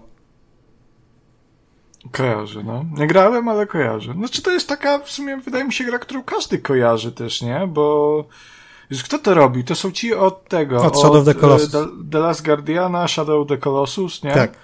Em, to jest jeden z tych, tych sztandarowych takich tytułów gamingu, który pokazuje, że gry to jest, to jest sztuka, a nie tylko głupia e, zabawa dla dzieci. Mm, Po 16 przejściach to- Shadow of Colossus na PS2 nie wiem, czy to taka sztuka, ale na pewno ciekawa gra. To w 15 klatkach przeszedłeś? 16 Tak, razy? przeszliśmy, przeszedłem 16 razy, bo chcieliśmy się dowiedzieć, bo, bo udało nam się, jest ta pierwsza lokacja, nazwijmy ją zamkiem, e, dało się do pewnego momentu iść po ścianie tego zamku, żeby dojść na szczyt, który jest w finałowej w ogóle scenie i jakby po przejściu ca cały czas przechodząc z tych bossów, to kółko się powiększało i powiększało i powiększało. Więc potrzeba było 16, 15 albo 16 razy, żeby było, żeby dało się wejść na ten zamek zaraz na początku gry, żeby dowiedzieć się, że jest to dosłownie ta lokacja z końca gry i nie ma tam dosłownie nic. Nie, to jest tylko do cutscenki końcowej. Tak, ale da się tam wejść, tylko trzeba właśnie tyle razy było przejść to na PS2. Nie no, to Artur, to brzmi jak dobrze spędzony czas. Uwierz mi, e, byłem tak zawiedzony, że szkoda gadać, ale no... Mm. E, Iko i tego, Las Gardyna przeszedłem sobie już tylko raz. Ile lat wtedy miałeś, tak się zapytam? E, to był 2007-2008 rok, bo ja PS2 miałem chyba w 2006. No to 17. 16, 17. A, to jeszcze, jeszcze taki wiek, gdzie się ma tego Tak, tak, tak, oczywiście, to były czasy, kiedy miałem czas. Tak. To jest jak drugi raz grę musisz przejść, bo coś tam Aha. jest. No, chyba, że to Diablo. to zaraz, za, za 7 dni będę przechodził znowu. Bo sezon. Bo wchodzi ja sezon. Myślę, że za godzinę będziesz... Tak, no ale to jest lub gry, więc to też inaczej. No mi się tak już samo nie mamy nier automatę, prawda? Trzeba przejść 7 razy, żeby zobaczyć true ending. Tam jest trochę inaczej, bo się przechodzi Tak, do tak, połowy, tak. potem od połowy jakoś inaczej Potem wchodzi. inną postacią, potem tu, się, tu jest krócej, tam jest jeszcze krócej, a potem jest w ogóle jeszcze inaczej. Tak, tak, tak. No, to jest... A na końcu się okazuje, że to jest ta faktycznie ta lokacja z ostatniej cutscenki. Dokładnie. I... Dokładnie tak było. No ale w Prince of Persia jeszcze przecież mamy ten slow motion, moi drodzy, ta animacja kończenia, to było piękne. Tak. To uwielbiałem. Cofanie czasu. Piękna sprawa. I, e, tak. Wracając do tego ICO, to właściwie Prince of Persia ma taką samą e, strukturę jak ta gra, czyli jesteśmy uwięzieni w zamku e, i mamy towarzyszkę płci pięknej i musimy dojść na sam szczyt zamku. I tylko, że w Prince of Persia dodano do tego walkę. Ale tak naprawdę to jest... E, Niestety. Niestety? Nie, nie, nie podoba ci się walka? Nie cierpię walki. O, jest okropna. Ten system walki jest fatalny. Jest bardzo dobry. Fajny był. Proszę. Tu musiałeś znaleźć e, sposób. Bo trzeba było skakać im na plecy i ich atakować z tyłu i właściwie mogłeś wszystko wygrywać bez problemu. No tak, no w tej grze nie, no chodziło to o to to, żeby brzmi jak brać dobry wszystkich system. od tyłu. Tak, Tak, to, to była Taki jedyna trochę dobra Jak w metoda. Populusie trochę. Albo skakać na było- i się odbijać od ścian i takim wślizgiem ze ściany Tak, atakować tak, tak, wrogów. No. Nie no, to ja to wiem, nie? Tylko wciąż ten system walki, on nie był dobry. Tam, jasne, to skakałeś na On, ludzika, on był bardzo ładny brałeś go od tyłu. To się na to ładnie patrzyło, szczególnie jak ktoś Tak. nie grał. Ktoś obok siedział i patrzył, to to było bardzo przyjemne dla oka, bo to ładnie, te animacje były ładne, ale zgadzam się, jakby przyjemności no też nie miałem żeby nie, nie było przez większość piasków czasu, to nie był jakiś duży problem, bo ta walka była, ale ona była stosunkowo... No to był dodatek do No, całości. nie, nie, było, nie było tak bardzo dużo tego, nie? Tam faktycznie więcej było tego skakania po jakichś słupach, biegania po ścianach Umierania. e, i to było wszystko bardzo fajnie, ale był jeden kurwa moment. Wieża świtu? Na samym końcu gry, chyba to była ta wieża świtu, to jakaś Kiedy jechałeś windą, wydaje winda, była. tak. No, Tak. Jezus, jak ja tam ja kurwiłem. tak samo. Jeżeli, jeżeli myślicie, że ja na, na, w trakcie trójkastu dużo przeklinam, to, e, to tam był taki trójkast plus 18, to zdecydowanie. Ale to chyba wszyscy tam tak mieli. Masakra. Bo w to tej wieży musiałeś bronić się fary i ona bardzo Tak. często ginęła, bo się pchała na wrogów. Tak, bo to, to było źle w ogóle zrobione. Tam twórcy się w ogóle potem przyznali, że tam, tam jest jakiś błąd, który sprawia, że, że ona, bo ona potrafiła już na samym starcie nawet zginąć. Czasami nie, nie, nie mieliśmy żadnych szans, żeby, żeby ją obronić. Bo ja czytałem, bo jak przechodziłem sobie na PS3, żeby was nie skłamać, to było kilka lat temu. Teraz sobie patrzę na swój backlog, zaraz pewnie znajdę. Mm, to, to, to się zastanawiałem, czy ja coś źle robię, bo tam po dziesiątym podejściu no nie widziałem za bardzo szansy na, na, na, na jakiś sukces. E, a w zeszłym roku, styczeń zeszłego roku, no, no to całkiem niedawno, to czytałem, że ludzie tam to na części pierwsze w ogóle rozłożyli i na PC jest jakaś metoda, że, e, że tam bez walki da się to, to ogarnąć. Już teraz nie pamiętam, ale doszedłem do momentu, czy na PS3 się da i się dowiedziałem, że nie da i trzeba próbować do skutku. No i chyba tam za 30-40 razem po prostu zadziałało, nic nowego nie zrobiłem, nic kompletnie. Po prostu się udało. Boże, chyba wtedy wykrzyczałem z radości, że, że już po... I, bo ja w ogóle miałem plan przejść całą trylogię HD. Minął półtorej roku minęło, nie ruszam następnego Prince of Persia. To w kolejnych są, częściach nie ma takich części. E, fragmentów jak wieża świtu z pierwszej części. No ja wiem, ale po prostu tak mi ten etap obrzydził wszystko, że już nie chciałem. Ja szczerze mówiąc, I miałem problemy trzyma. za pierwszym razem, to miałem straszne problemy, ale teraz jak gram po raz kolejny, to przechodzę go za pierwszym razem i nie mam żadnych problemów z tym. Tam wystarczy po prostu cofać czas. Ty, Robert, ty za dobry w gierki jesteś po prostu, słuchaj. Nie, myślę, no że nie. Ja myślę, powiem. że to pierwsze podejście do tej gry, te kilka, nie może naście lat temu, z 10, jak nie więcej. E, tak mi się wypaliło w głowę, że już mam taki odruch, jak e, pies Pawłowa, czy coś w tym stylu i już przechodzę tę misję z marszu. Ale no, no tak, to jest e, najcięższy etap gry. I wcale się nie dziwię, że ludzie na niego przeklinają. Chociaż ja go wspominam. Ja, ja z jedynki tylko to pamiętam. Szczerze powiem. Tak? No. No widzisz. W sensie wiem, że tam wiesz, książę tam ten początek pamiętam, że tam się wpadało do tej sypialni, nie? E, tej, tej fary, tą farę pamiętam. E, ale z tak z samej gry, co tam się działo, tam wiem, że jakieś klify były czy coś, ale pierwsze co myślę Prince, Prince of Persia, to ta jebana winda. No ja też tak mam. to jest pierwszy. Też tak mam, tylko ja wspominam bardzo ciepło teraz. To był jeden z takich moich bardzo imersyjnych y, momentów, gdzie faktycznie się starałem i się wczułem w to. A to mi się nie zdarza często, bo raczej jestem graczem takim typowo mechanicznym i mam mało takich y, imersyjnych momentów, a tutaj jednak był przy, tej, przy tym takim wyzwaniu. Ale to ci powiem, że mnie zaskoczyłeś teraz, bo ja, jak cię kojarzę, to ty mi się właśnie kojarzysz bardziej nie z takimi grami typu Prince of Persia, tylko właśnie z takimi grami, które wymagają tej wczówki. Właśnie ciebie kojarzę z Superhotem, Yy, ciebie kojarzę z Haven, bodajże, tak, tak, tak się nazywała tak. ta gra. Pamiętam, tak. że to recenzowałem mhm. jeszcze dla GamerWeba. Yy, o takiej tam historii miłosnej między parą, gdzie tam w sumie się chyba tylko gadało, czy coś takiego. Yy, I tak się kojarzę i tak w sumie odkrywam cię trochę, poznaję cię na no nowo w trakcie tego nagrania. Nie doceniasz kolegi, dlatego on teraz przechodzi ten etap Ale... w chwilę, a nie to, co my. A, ale dlaczego ja nie doceniam kolegi? Ja właśnie, no bo wiesz, ja bardzo go, doceniałem, ale widzisz, tak zawężałeś go. doceniam z zupełnie innych względów. zawężałeś jego. Nie jest tak. Potencjał. ale Super to widzisz... też było takie e, czysto mechaniczne granie, bo ja przeszedłem tę grę na 100%. Zrobiłem wszystkie achievementy, co jest dosyć trudne, bo tam trzeba przejść całą grę bez śmierci. I to w speedrunie. Więc tak tak się zaparłem, że mi się udało w Superhocie. No, a jeśli mowa o Haven i tych innych grach, no to tak, no, ja lubię poznawać e, fabułę w grach, ale to nie wiąże się z imersją. Ja się nie wczuwam w postać, tylko po prostu poznaję tę historię. To takie zdrowe podejście, bo dlatego ci się może Uncharted, tfu, The Last of Us podobać, mimo że na końcu nie masz wyboru.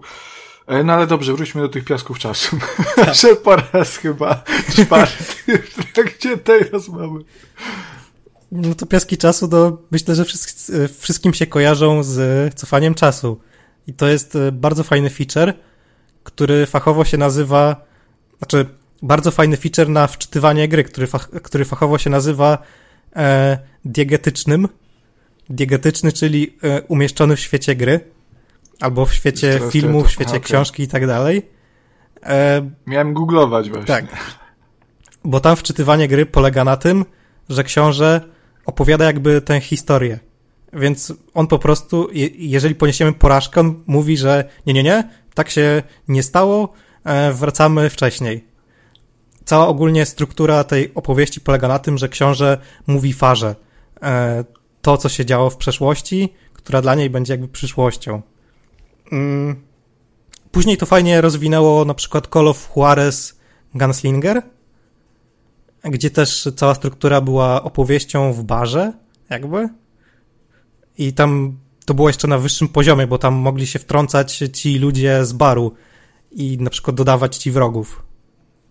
W Prince of Persia tak nie było, w Prince of Persia to była po prostu zwykła opowieść, no ale jednak fajny feature, że twórcy jakoś chcieli wpleść to wczytywanie gry w świat przedstawiony. Jeszcze z, drugiej, z drugiego fachowego pojęcia tam była opowieść temporalna, czyli opowieść polegająca na tym, że przedstawiony jest e, upływ czasu. Ten upływ czasu był przedstawiany za pomocą e, wyglądu księcia, bo im dalej w grę, tym książę, może to dziwnie zabrzmi, ale bardziej się e, rozbierał. Na początku był w takich fatałaszkach, później ucinano mu rękaw, później ta szata się go niszczyła, no i na końcu gry był z gołą klatą. To może się kojarzyć teraz z Batmanami tymi e, Arkham, gdzie zbroja Batmana też się niszczyła. Nie wiem, czy więcej gier to miało. Ja nie kojarzę. Jeszcze jest kolejna ta diegetyczna rzecz, czyli odnawianie zdrowia. E, w księciu to było dosyć ciekawe. Tam nie było miksturek jako takich, tylko mogliśmy od, odnawiać zdrowie w każdym źródle wody. Więc jeśli znaleźliśmy sobie gdzieś kałużę na mapie, to wystarczyło się schylić i napić się z tej wody, by odnowić sobie życie. I bardzo dobrze promowanie odpowiedniego nawadniania Dokładnie. się to dzisiaj na przykład Dokładnie. bardzo popularne na, na YouTubie. Co jeszcze, w sumie, o, wiem co jeszcze można dodać odnośnie tych, tych yy, zabawy czasem, że tam były też rzeczy, którymi później się bawił w pewnym stopniu Alan Wake, czyli przewidywanie przyszłych wydarzeń. Anal. Tak, Anal Wake. E, mieliśmy takie flashbacki z przyszłości, wiem, że to dziwnie brzmi, gdzie przedstawione rzeczy, które mamy wykonać. Alan Wake to miał później w formie notatek E, zbieranych na mapie, gdzie też były opisane rzeczy, które się dopiero wydarzą. Co to jakby fajnie naprowadzało gracza na to, co ma zrobić. Właściwie nie wiem, co mógłbym... Mhm. Powiedz mi jeszcze, bo y, ja to pamiętam z późniejszych części, bo w późniejsze części grałem trochę później niż w jedynkę. E, w jedynce też były te ukryte pomieszczenia, w których nie wiem co tam było, to też jakieś takie źródło mhm, wody tak, czy były, piasku. Były, były w jedynce. E, I, I jak się to znalazło, to zwiększało chyba liczbę mm, tych kulek tego piasku czasu, nie? Nie, w to, jedynce to, to zwiększało zdrowie. Aha, okej. Okay. E, nie, bo mia właśnie miałem pytać, w dwójce był, ta, by, by, był mechanizm tego, że trzeba było znaleźć wszystkie. Tak, tak, tak, tak. E, ukryte pomieszczenia, żeby zobaczyć prawdziwe tak, zakończenie. Tak, żeby zobaczyć prawdziwy ending. Kanoniczne. W jedynce też tak było? Nie. Czy w jedynce... W jedynce było tylko jedno nie, zakończenie. W jedynce było normalnie. Mhm. Okay. Mogłeś mieć tylko więcej HP, jak zbierałeś e, te znajdźki, a kulki piasku zwiększało się poprzez takie nie wiem jak to nazwać, takie wiry piaskowe. One też się były na mapie, ale nie były ukryte, tylko bardziej tak liniowo się zbierało podczas przechodzenia e, lokacji. Okej, okay, dobra. Um, to jeszcze taki follow-up question. E, też tak mądrze powiem po angielsku, bo już tak ładnie mówisz tutaj. Słów e, mądrych używasz, że ja się głupio czuję. E, tak niezwiąza niezwiązane z, z piaskami czasu, ale, ale tak czuję, że e, zmierzasz ku końcowi chyba, tak? Tak, tak tak mówi, że, że, że ten. Um, jak się zapatrujesz na tego nowego, nowego? Uff, no. no styl graficzny mi strasznie nie leży. Ale oprócz tego myślę, że to może być całkiem spoko gra. E, ludzie mówią, że to się odwołuje do pierwszych części. No, ja tak powiedziałem. Niby tak, ale ja raczej bym tutaj się skłaniał do tego, że to się odwołuje do e, spin-offów z PSP. W ogóle to jest e, śmieszna sprawa, bo E, czwarta część tej trylogii piasków, tak, czwarta część e, trylogii. E, zapomniane piaski. Zapomniane tak? piaski. Ona miała kilka różnych wersji. I na poszczególne platformy to była zupełnie inna gra. Na PC i konsole PS3 i Xbox 360 to była jedna gra. Na PSP to była druga gra. Na Wii to była trzecia gra. I na DS-a to była czwarta gra. I właśnie ta nowa część mi przypomina bardzo e, tę część z PSP. tylko oczywiście w innym stylu graficznym. I myślę, że w to się będzie grało dobrze, o ile będę w stanie przetrawić, jak e, wyglądają postacie. Nie, osobiście myślę, że to może być bardzo fajna produkcja. Ale, ale faktycznie wygląda inaczej. E, troszkę zamuliłem, bo sprawdzam sobie właśnie, czy piaski czasu były na PSP i z tego co widzę nie było. E, a, a sprawdzam, ponieważ e, kolejne dwie części były. trylogii. Ale pod innymi były, nazwami. Tak, e, tak było. Dusza, to jest w ogóle głupie, bo to były te same gry, tylko trochę brzydsze i bardziej pocięte. E, Dusza Wojownika wyszła na PSP pod tytułem Revelations. Chyba a, tak.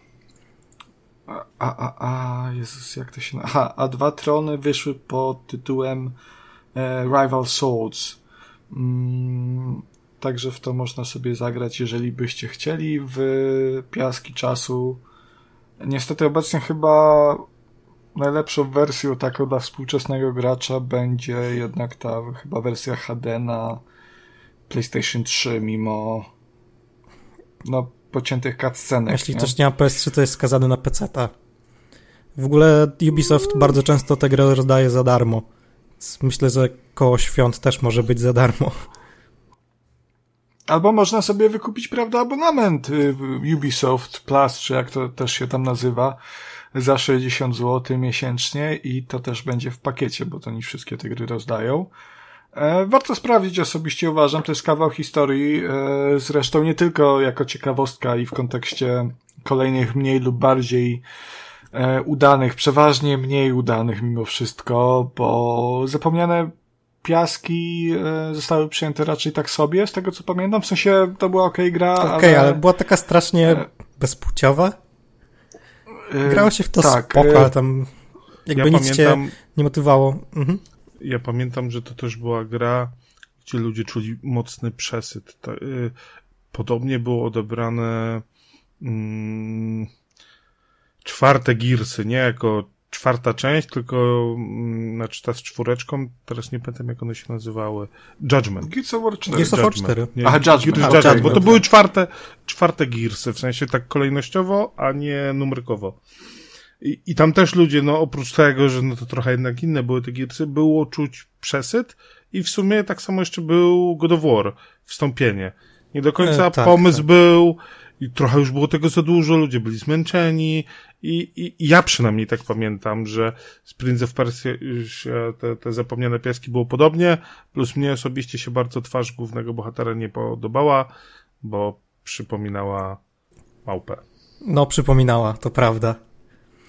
Ale tutaj tak ogólnie... kompletnie i kompletnie, nie wiem dlaczego, ale strasznie mi to przeszkadzało, przeszkadzało jak, jak, jak on wygląda, ta, ta, ta, jego, ta jego twarz. Ale to jest w ogóle strasznie ciekawe, bo ten okres, tak, e, to był jakoś 2012-2013, nie? Um, było bardzo dużo tego typu gier, które, których ludzie już mieli dość, no, był tak jak mówicie, jak Arthur mówi, nie? Gearsy Judgment, y, był właśnie ten Prince of Persia Zapomniane Piaski, God of War Wstąpienie, Splinter Cell Blacklist poniekąd, chociaż to bardziej chyba chodziło o to, że nie, nie do końca... Blacklist on, był spoko. Był, mm. ale, ale też on się nie był przyjęty nie, nie, jakoś nie. bardzo ciepło. Chociaż wśród e, fanów troszkę był, był, był, bo on wracał jakby do skradankowej formuły po Splinter Cell Conviction, które było właściwie grą akcji. Tak, tak, tak. Tej, tej, ale to dalej był, była taka bardzo gra akcji, ale już y, abstrahując od tego, e, był na przykład jeszcze Assassin's Creed 3, też od Ubisoftu, nie? I to też był ten moment, kiedy no troszkę już się to zaczynało wszystko przejadać i w sumie to, to jak patrzę na to teraz, to był naprawdę ciekawy okres, kiedy był taki pik e, serii, których już wszyscy mieli dość. Tak, potrzeba było przerwy, nie, a nikt, nikt tych przerw nie robił w tamtym momencie, prawda? Tylko mhm. kolejne i kolejne rzeczy wychodziły i to, i to nie czekało się jak teraz sześć lat na kolejną rzecz, bo teraz często dość długo czekamy. Nie mówię, że w przypadku wszystkich, ale no na niektóre trzeba dłużej poczekać i mamy tą szansę, wiecie, oddechu E, po, po drodze, bo nawet e, pomiędzy God War'em a Ragnarokiem była wystarczająca przerwa, żeby jeszcze tak ludzie nie, nie jeszcze nie powiedzieli, że o kurde, za szybko czy coś, tylko no, to, no jakby okej, okay, prawda? I jeszcze, jeszcze mam cie, cie, ciekawszą produkcję, bo Uncharted 3, z tego co pamiętam, w sensie ono było bardzo dobrze przyjęte, nie? I to była dobra gra. Ale tam już się też pojawiały takie głosy, że... Mi się wydaje, że Uncharted 3 miało Mimo, inny jest... problem.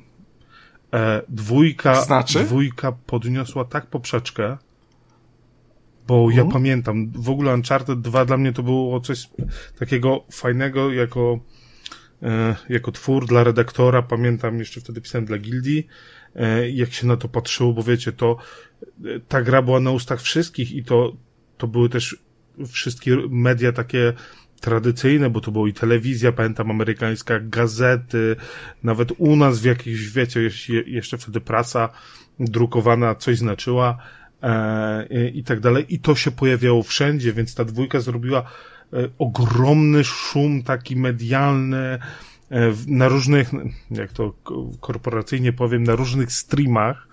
E, I trzeba było potem zrobić tą trójkę.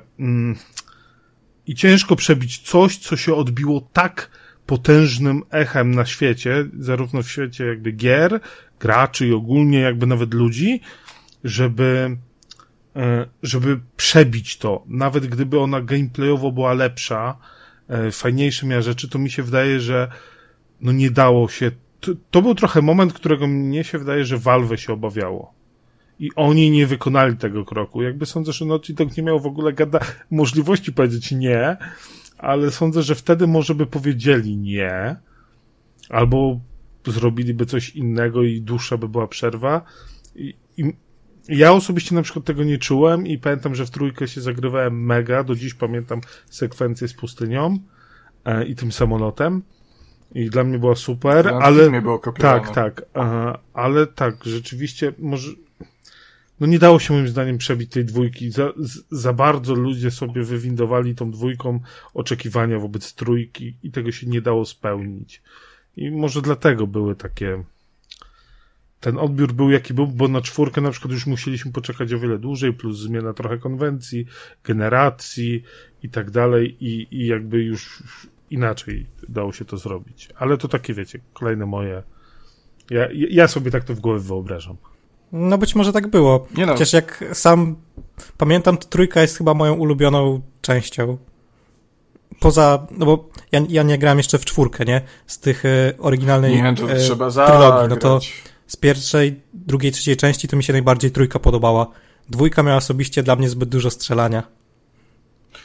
E, dla mnie, tak? Ja właśnie tak. miałem takie wrażenie co do trójki. E, dwójeczka to dla mnie był taki idealny balans ja też to grywałem jedna po drugiej tak naprawdę, więc już przy trójce byłem po prostu zakładam zmęczony, nie? To, to też jest taki czynnik, e, który wpływa na odbiór gry. Mm, ale mimo wszystko z tej oryginalnej trylogii, nie licząc czwórki, e, oczywiście, bo to jest dla mnie te pierwsze trzy części i kolejne to jest w ogóle zupełnie inna era i zupełnie inne gry. Z tej oryginalnej trylogii ta dwójka jest dla mnie taka naj, najfajniejsza. Mm, trójka fajnie roz, rozwijała postaci oczywiście. Um, ale jeżeli w czwórkę nie grałeś, to to jest pierwsza tak, no na pewno. rzecz do nadrobienia. Nadrobię kiedyś to na 100%. Jest tak dobra gra, nawet abstrahując od rozgrywki. Ona jest ok, nie? To jest po prostu Uncharted, tylko w ósmej generacji konsol. Ale to, jak to zostało fabularnie poprowadzone i mm, jak to fajnie spina, e, kończy historię Nathana Drake'a, to jest po prostu fenomenalne, nie? I zawsze mnie boli, jak ktoś mówi, że no ja z Uncharted to grałem tylko w czwórkę, nie? Albo nie grałem jeszcze w Uncharted, to sobie czwórkę kupię, bo najnowsze i, i, i najlepsze. I jako, że to jest finał całej tej historii, to mnie to tak boli jako gracza, który na piedestale stawia przede wszystkim opowieść, że to jest jakaś masakra. Natomiast Robert czwórkę, no trzeba nadrobić po prostu. To jest taka wisienka na torcie czwórka, to już jest takie, tak, tak, takie, tak, tak. ten ostatni elemencik, ale rzeczywiście całości. I w pełni się z tobą zgadzam. Ja wiem, że jedynka może ma swoje makamenty, ale, ale warto przejść tą trylogię i potem tą czwórkę. Wtedy jest taka satysfakcja, no, no, no mega uczucie. Ja osobiście mam tak z Gearsami jeszcze. Z oryginalną trylogią. Że końcówka trójki jest tą wisienką na torcie.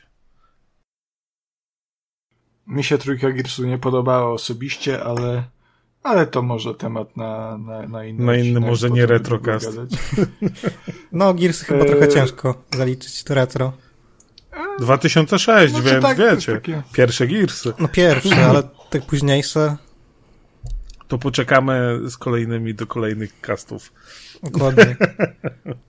Znaczy od ostatniego odcinka minęło dwa miesiące, prawda, więc no, kto wie, kiedy się kolejny pojawi. Dokładnie. Ja no myślę, że tak za miesiąc jakoś tak. E, dobrze, to piaski czasu jeszcze coś do doda- dodania. Pfu, do dodania macie, drodzy. Ja uważam, że remake nie moi wyjdzie. goście. No, w ogóle to jest masakra z tym remake'iem, bo A tu Jezus, remake ma jeszcze powstać. zapowiedzieli- Zapomniałem. Dawno temu to była dziwna historia, bo oni dali do produkcji e, Ubisoft Bombay, czy Mumbai, czyli Mumbai. studiu Mumbai, które produkowało tylko gry mobilne i było odpowiedzialne za asety do Widać. niektórych e, z większych gier Ubisoftu.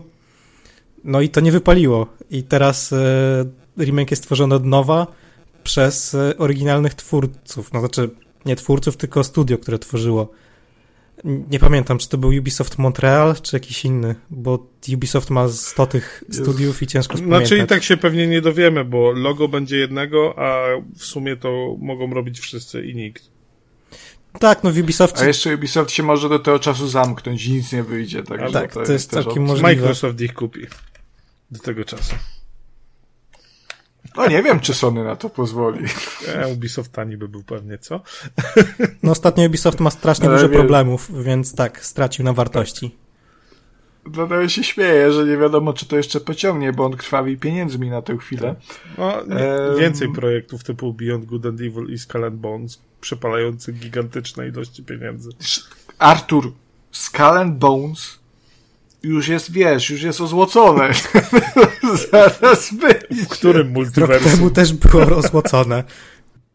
Ale po to plotki były. Po to robią y, remaster, tudzież, czy też remake Black Flaga, żeby to była akcja promocyjna dla Skull and Bones. Ale Boże, w ogóle remake jeszcze... O. Jednego remake'u Znaczy, nie mogą była pociągnąć, okej. więc zrobią inny, innej gry. To jest po prostu cyrk, burdel na kółkach. Ja nie wiem, co się dzieje w Ubisoftie, ale to jest bardzo, bardzo przykre. Dobrze, bo tak żeśmy się rozgadali w ogóle o stanie branży. Bardzo fajnie, ja to bardzo lubię, prawda? Tylko to powinien być retro E, branży, a nie obecny. Retrostan, tak, no w sumie, znaczy trochę obecny, nie, bo to weszło jednak na ten Ubisoft teraz. Niby tak. No ale nie wszyscy słuchacze lubią takie długie odcinki, na przykład Kamil Podryban. Serdecznie pozdrawiamy, którego możecie usłyszeć w, tfu, w czwartym odcinku Trójkastu Retro. E, nagrywa pograwędkę, zachęcamy do słuchania, bardzo fajny e, podcast w krótkiej formie, 30 minut, 40, prawda, E, do śniadanka sobie można przesłuchać, no trójkast to jest niestety taki, Do niestety, niestety, bądź też stety, do takiego, takiego solidnego obiadu, nie takiego mukbangu, można by powiedzieć. Rodzinnego, jak się wszyscy Em. zjeżdżają, bo one są długie. E, e, tak, więc może przejdźmy już do ostatniej gry tego odcinka. E, I tak się składa, że to jest moja gra, no któż by się spodziewał, że tylko ja zostałem. Wow! E, niestety wydaje mi się, że przy tej grze nie będzie tak ciekawych dyskusji, tak e, zażartych dyskusji, jeżeli chodzi o stan gamingu. Bo ja ten tytuł wybrałem trochę w formie takiego, nie wiem, no takiego żartu, bo ten, ta gra to jest troszkę jeden taki wielki żart. W pewnym sensie to jest poważna produkcja, ale bardzo żartobliwa. I cóż mogę powiedzieć o niej, żeby nie zdradzać y, zbyt dużo, absolutnie wszystko, bo wątpię, żebyście to znali. To nie mów nic, zobaczymy. E, to jest, To nie mów nic. to jest po gra... Po, tak? Chcesz? Tak? Jolo, Dobrze. jolo. Okej. Jestem Dobra. odważny. Je... Bęk, nie? Okej, no to lecimy z muzyką. Pach.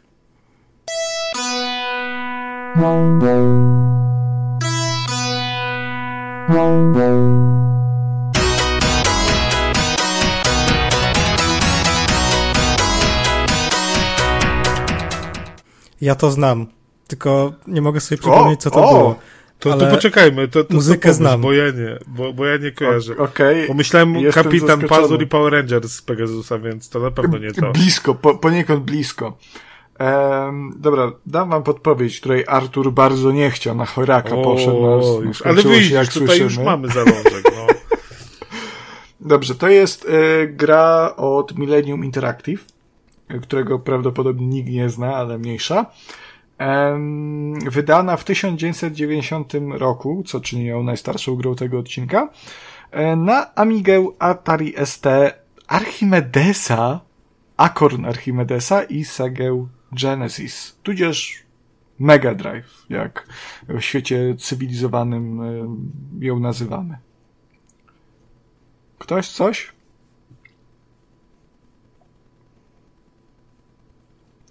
Ciszę uznaję e, za to, że nikt nie wie, co to absolutnie jest, co też mnie w ogóle nie dziwi, bo przez większość swojego żywota w ogóle nie zdawałem sobie sam sprawy z tego, że taka produkcja istnieje. Jest to James Pond, Underwater Agent. I to jest gra o no bardzo ciekawa. To jest gra o e, agencie bardzo eleganckim. Może nie ma krawatu w śledzia, takiego, w takim kształcie. E, natomiast nie można odmówić mu braku ikry. Jest to agent jej królewskiej ości e, z licencją na zarybianie, który e, szczupakiem rzuca się na pomoc potrzebującym, prawda? Mm, Nie, nie zajmuje się tutaj przy tym płotkami pokroju jakichś złoczyńców pomniejszych, prawda, niczym James Bond, e, tylko zajmuje się tematem, który jest jak najbardziej obecnie aktualny, czyli ekologią i walczy z tworami zanieczyszczającymi planetę, prawda? E, Robert, powiedz mi, czy to jest ta gra, którą kojarzysz? W ogóle E, kojarzysz chyba tak, tylko mam teraz, jak powiedziałeś, tam takie flashbacki z losowego filmiku na YouTube, który pewnie oglądałem gdzieś o trzeciej w nocy, e, prawdopodobnie w stanie upojenia alkoholowego i mi się ta muzyczka e, wryła w głowę. Samej Ja, muzyka samą Jamesie, grę Jamesie nie grałem. To jest... E, no trudno ją dzisiaj dostać, ponieważ pierwsza część serii wyszły łącznie cztery, bo potem wyszła dwójka. One, jest w ogóle, dlatego tak żartami syp, sypałem tymi super śmiesznymi żartami na początku, grami słownymi, ponieważ ta gra to jest jeden wielki żart słowny, no James Pond. Em, to jest jawna podpierdolka Jamesa Bonda, a Pond, że to znaczy jezioro, a głównym bohaterem jest ryba. No to wiadomo, że to jest od razu śmieszne. W samej grze jest w nazwach poziomów na przykład mnóstwo tego typu żartów. Mm, No i na przykład dwójka nazywa się Codename Robocod. E, Prawda, że kod to jest chyba dorsz bodajże w angielskim. Też tutaj śmieszne, bo Robocop też podobnie brzmi. Wyszła jeszcze trójka, jakaś, jakaś kolejna czwarta część na iOS-a i iPadOS-a, także to już jest w ogóle popłuczyny. Jeżeli chcielibyście się zapoznać z tymi grami dzisiaj, to chyba najlepszą opcją jest właśnie dwójka, która wyszła na Switcha też. Jedynka niestety została zamknięta na tych archaicznych platformach, w tym Akornie Archimedesie, który absolutnie nie wiem co to jest. To jest y, personalny komputer z 87 roku, Boże.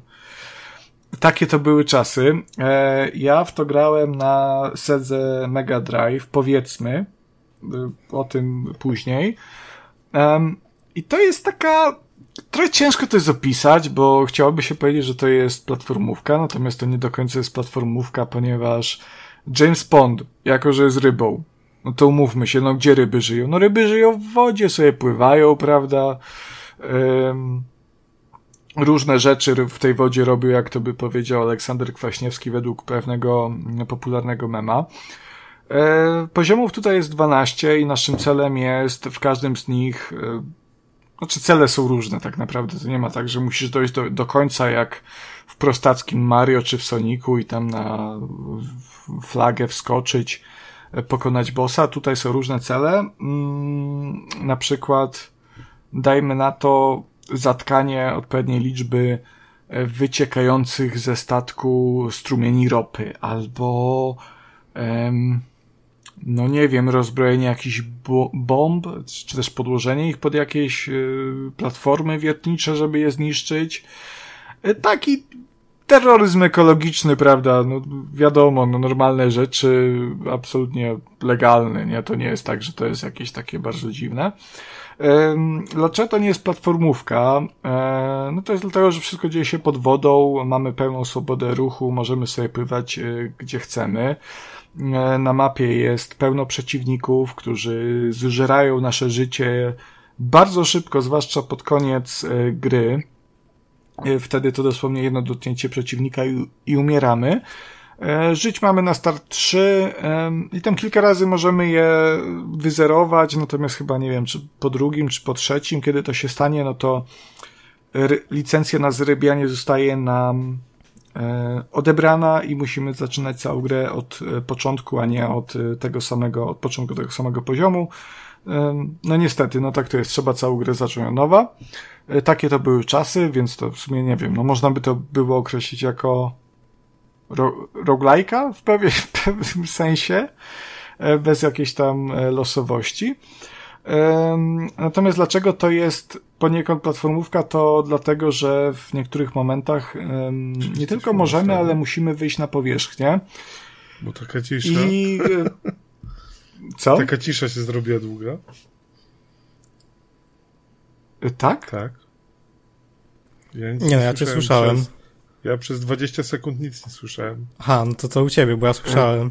musiało ci coś przerwać. A, możliwe, no, że u mnie w każdym to, razie. Okay, E, tak, tłumaczę dlaczego to jest platformówka, no to dlatego, że w niektórych momentach musimy sobie wyskoczyć e, nad powierzchnię wody, poskakać tam, bo tam też są poukrywane przedmioty, które są potrzebne do ukończenia danej misji. E, no i psikus polega na tym, że jeżeli, jeżeli wyskoczymy z wody, no to jako, że James Bond jest rybą, no to na, na powierzchni jest tak średnio ruchawy, no podskakuje cały czas e, i też jego mobilność jest ograniczona, plus cały czas traci życie, które odzyskujemy wprawdzie po tym, jak wsko wskoczymy z powrotem do wody, no natomiast wciąż trzeba się e, streszczać.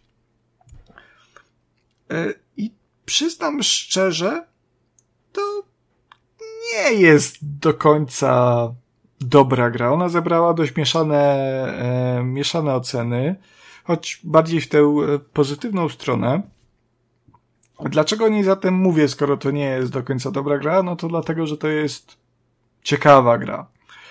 E, jest zupełnie inna niż konkurencja, nie? Niż Sonic, chociaż w ogóle co to jest ciekawe, bo recenzenci w tamtym okresie też porównywali to do Sonika, no bo oczywiście, że się porównywało do Sonika, skoro to wyszło na Mega Drive'a, E, I pojawiały się geniusze, które stwierdzały, nie no, to jest, to jest lepsze niż Sonic, to jest, tak w rzeczywistości nie jest. E, jasne, to jest ich e, subiektywna ocena, nie istnieją obiektywne recenzje. E, natomiast no nie wiem, co musiało się podziać w tych głowach, żeby stwierdzić, że to jest gra lepsza od Sonika, raz, że to nie jest w zasadzie podobne do tej gry, a dwa, że no, no pod wieloma względami jest po prostu irytująca. Tych przeciwników jest bardzo dużo. Na mapie pełno jest przedmiotów do zebrania. Część daje nam punkty. Część to są power-upy typu, nie wiem, no cylinder, który e, daje nam odporność na obrażenia ale są też takie, które nas momentalnie zabijają, albo są też takie, które w ogóle nie wiem do czego służą, bo na przykład jest bomba do zebrania i ona sprawia, że dookoła nas wybuchają bomby. I sam do końca nie jestem pewien, czy to ma likwidować przeciwników, y, czy mm, zabijać nas. To jest takie, no, kto wie. Y, sam James, James Bond nie jest y, bezbronny, bo może swoją paszczą wysyłać bąbelki w stronę przeciwników, zamykać ich w tych bąbelko, bąbelkach, a potem wpłynąć w nich i w ten sposób ich zabić, zamieniając ich w jakiś tam, nie wiem, skrzynię ze skarbem, pierścionek, jakiś łańcuszek. Natomiast no to, jest, to jest zdecydowanie gra ze swoją duszą. Jest to tytuł bardzo unikatowy, już nawet jeżeli chodzi o te gry słowne, to jest, to jest po prostu, nie, no, no mnie to bawi, no przyznam, no ja mam poczucie humoru dziecka, e, więc mnie to, mnie to bardzo bawi, no już sam tytuł James Bond. On jest tak głupi, że śmieszny. Jeżeli kręcą was tego typu produkcje nieoczywiste, jakieś takie z twistem pewnym, mm, niecodzienne, no to myślę, że warto to sprawdzić. E, nie jest to tytuł jako, jakoś e, bardzo drogi. Za można go kupić sam cartridge przynajmniej za jakieś, nie wiem, 70-80 zł na Allegro. E, wypada do tego mieć sprzęt, wprawdzie. Najfajniej byłoby mieć oryginalną Sega Mega Drive. E, one też nie są jakoś bardzo drogie, natomiast no jest problem z podłączaniem tego do e, nowych telewizorów i tu wkracza ten moment, kiedy mówię na czym, na czym e, w tego Jamesa Ponda grałem. I tu, żeby nie było, tu nie ma żadnej reklamy tego, ja to kupiłem za własne, ciężko zarobione, codzienną pracą pieniądze. Jest to Mega Retron HD od Hyperkina. E, I też chciałem też trochę z tego względu o Jamesie, Jamesie Pondzie opowiedzieć, ponieważ e, te hyperkiny odkryłem stosunkowo niedawno. E, I to jest naprawdę zajebista opcja, jeżeli chcecie pograć sobie w stare gry retro dostępne tylko na kartridżach. Mm, zwłaszcza jeżeli chcecie ściągać na przykład ze Stanów czy też z Japonii, a nie chcecie się bawić w kupowanie specjalnie oryginalnych sprzętów z tamtych rynków, bo to jeszcze były te czasy, kiedy blokada regionalna była normą. Mm, więc no, taki Mega Retron to jest akurat konsolka Hyperkina dedykowana grom z Segi Mega Drive. Natomiast co jest niefajne, no to raz, że to możemy podłączyć e, poprzez HDMI do współczesnego telewizora. E, mamy przełącznik e, aspect ratio między 4 na 3 a 16 na 9, co jest bardzo spoko, mimo że wciąż, no jednak 16 na 9 będzie mimo wszystko rozciągnięte, no bo to nie były gry przystosowane do panoramy. E, no ale co najważniejsze, te sprzęty mają przełączniki regionalne, także możemy sobie ściągnąć gry ze Stanów. Ja tak zrobiłem Shadowrunem. E, który jest tylko na Genesisa dostępny. W Europie chyba nawet nie został wydany. Mm, nie możemy sobie kliknąć przełącznik, włożyć e, cartridge i normalnie sobie ta gra śmiga, e, zaoszczędzając nam w ten sam sposób pieniądze. A to też nie jest sprzęt, który byłby jakiś tani pod względem wykonania, bo on finansowo nie jest bardzo drogi. No, ten Mega Retro no, kosztuje jakieś 300 zł, więc to nie jest jakaś cena zaporowa a, a możemy grać we wszystko, co tylko chcemy. Mm, no bo jednak umówmy się, no kupno trzech konsol z każdego rynku e, Japonii, Europy i Stanów to byłoby dużo droższe. A i też zazwyczaj to się robi dla jednej, dwóch gier, jeżeli myślimy o kupowaniu gier poza Europą. No, wykonanie jest naprawdę bardzo, bardzo spoko. To są e, solidne sprzęty stylizowane na te stare konsole. One nie wyglądają tak samo, natomiast dostajemy pady, które są wysokiej jakości i ja byłem zaskoczony, że to ani nie trzeszczy, ani nie skrzypi, ani tego nie, nie jest łatwo złamać. To jest naprawdę dobry pad i jeżeli chcielibyście e, pograć sobie w gry retro, no to nie tylko ograniczy, ograniczycie się tutaj do Mega Drive'a. E, Hyperkin ma też konsole emulujące NESa, SNESa, tam jest y, jeszcze jakieś Atari, Game, Boye, mm, także warto to sprawdzić. E, w sumie samego Jamesa Ponda też, chociaż też to nie będzie e, jakiś taki mus, jeżeli tę grę pominiecie, nic się nie stanie, natomiast jest to ciekawostka, jest to, jest to dość urocza produkcja, e, z którą myślę można spędzić kilka przyjemnych chwil. Jakieś pytania, panowie, bo myślę, że was trochę zdominowałem teraz. Troszeczkę. E, czy ta konsola też ma rybach. takie opcje, że tam można zapisywać w trakcie, przyspieszać? Nie, nie, nie, nie. Yy, to jest to jest tak, jakbyś kupił sobie no, normalną Segę, normalne Nintendo. E, to nie jest, znaczy to jest emulator, bo tam w pewien sposób to emuluje działanie tego, to nie jest licencjonowane, nie? Mm, natomiast to emuluje w jak najwierniejszy sposób działanie tamtych konsol, czyli wkładasz kartridża, odpalasz i to jest cała twoja gra, to co jest na, e, na kartridżu, to nie ściąga żadnego obrazu tego, tego ROMu, e, nie ma żadnej nakładki. To jest tak, jakbyś sobie kupił konsolę i włożył kartridż, tylko że to nie jest oryginalna konsola. Mhm. Ostatnio w ogóle jest mnóstwo tych konsol na rynku i mi się, szczerze mówiąc, one mieszają strasznie. E, ale mówisz o tych mini wersjach? O, tych, czy... o wszystkich. O mini i o tych, które są jakby stylizowane na te stare konsole i mogą odpalać kartridże. Wydaje mi się, że coś takiego było nawet do PlayStation pierwszego, że mogą tak, odpalać jest. zarówno... Jest w ogóle taka e, nazwijmy to maszyna, to jest taki Bóg, powiedzmy, tego typu sprzętów, który kosztuje jakieś horrendalne pieniądze, bo to chyba wychodzi z 3000 zł na podstawowy pakiet, gdzie, gdzie można odpalać gry chyba z PlayStation i Segi Saturn. Nie powiem wam, jak to teraz się nazywa, bo żeby to kupić, to raz jest to drogie, dwa trzeba czekać w kolejce, przynajmniej trzeba było czekać. Ale tak, takich sprzętów było mnóstwo, już chyba od dekady są różne, bo pamiętam jak Archon miał tego typu sprzęt, ale on był o tyle fajny, że tam dało się na przykład w locie mm, odpalić, znaczy graliśmy oryginalnie z kartridża, ale dało się jakby wstrzyknąć na przykład tłumaczenie i grał, pamiętam, w Pokémon Fire Red chyba, e, z polskim tłumaczeniem, a jakby i tak wszystko szło oryginalnie z karta gameboyowego. Więc taki hybryd, takich różnych sprzętów to już od wielu lat jest multum i w sumie jest ich tylko coraz więcej. Są modularne, mm, takie gotowce, no, no mnóstwo jest takich rzeczy. Jak ktoś jest fanem i ma pieniądze, jest... to, to, to można szaleć. Hyperkin jest właśnie, wydaje mi się, jednym z takich głównych. E, tak, to na pewno. Tego typu w ogóle sprzętów. ta firma wiele takich różnych rzeczy robi, bo przecież oni też kable robią. Ja mam ich kabel do PlayStation 1, e, dzięki któremu PS1 podłączysz za sprawą HDMI i naprawdę daje tu fajny obraz. Nie trzeba mieć nagle OSSC czy, czy, czy innego mm, cudownego scalera.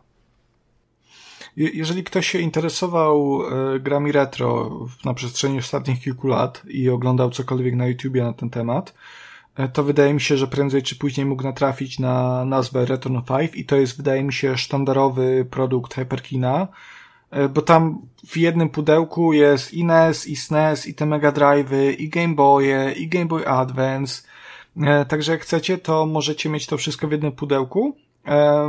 A też, dlaczego o tym teraz wspominam?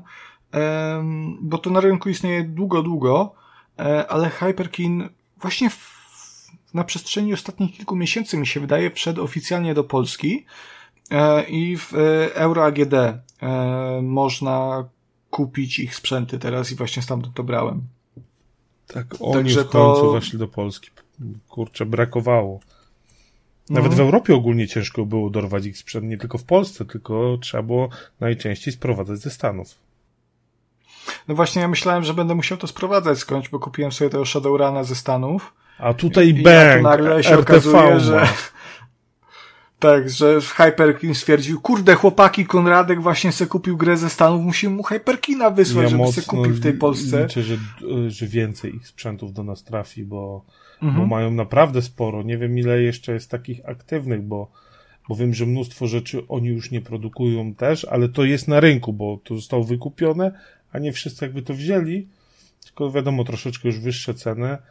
E, właśnie bardzo bym chciał przeróżne kable, bo chciałbym do pierwszego Xboxa i do Segi Saturn, bo jak myślę znowu o podłączeniu do SSC i ustawianiu tego, to, to coś we mnie umiera. No miejmy nadzieję, że nie miłość do retro. Ja chciałbym retrona sobie pod Game Boya wziąć. Tak się już od pewnego czasu zastanawiam, ale na szczęście mają w RTV, więc może w końcu się skuszę, bo, bo mają bardzo fajną tą, tą kosteczkę pod, pod Game Boya.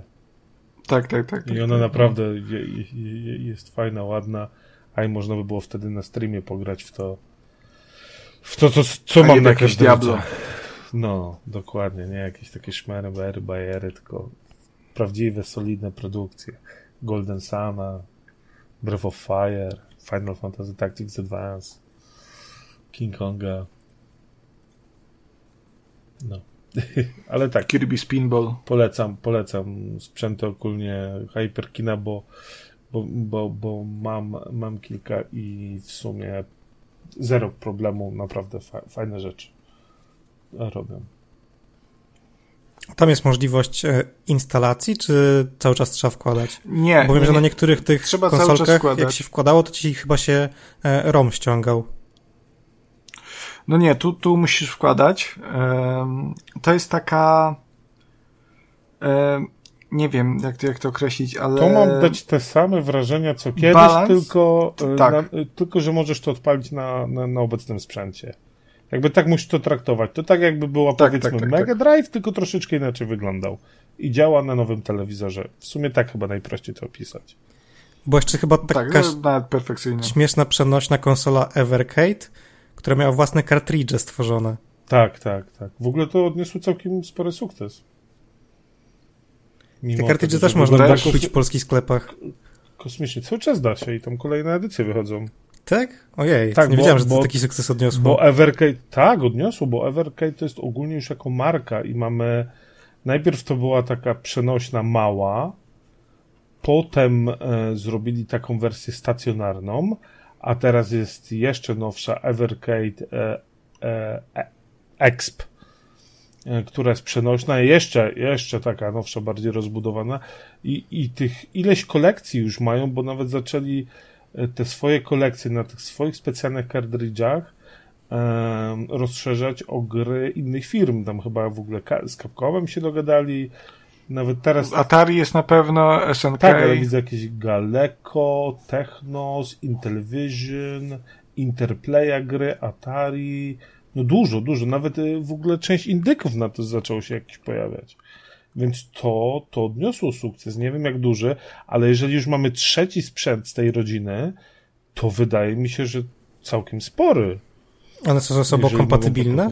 Tak, podobno tak. Podobno y, ten, bo zaczęło się od tego pierwszego na kartridże, ale podobno on jest kompatybilny z tą stacjonarną wersją, czyli to jest Evercade VS i one są jakoś tam kompatybilne. Ja oglądałem o tym materiał, ale teraz nie pamiętam. Nie wiem jak ten Exp, E, na którym właśnie chociażby są e, Megameny, Street Fightery i tak dalej, ale pewnie też oni tam starają się właśnie, żeby to wszystko się jakoś ze sobą łączyło.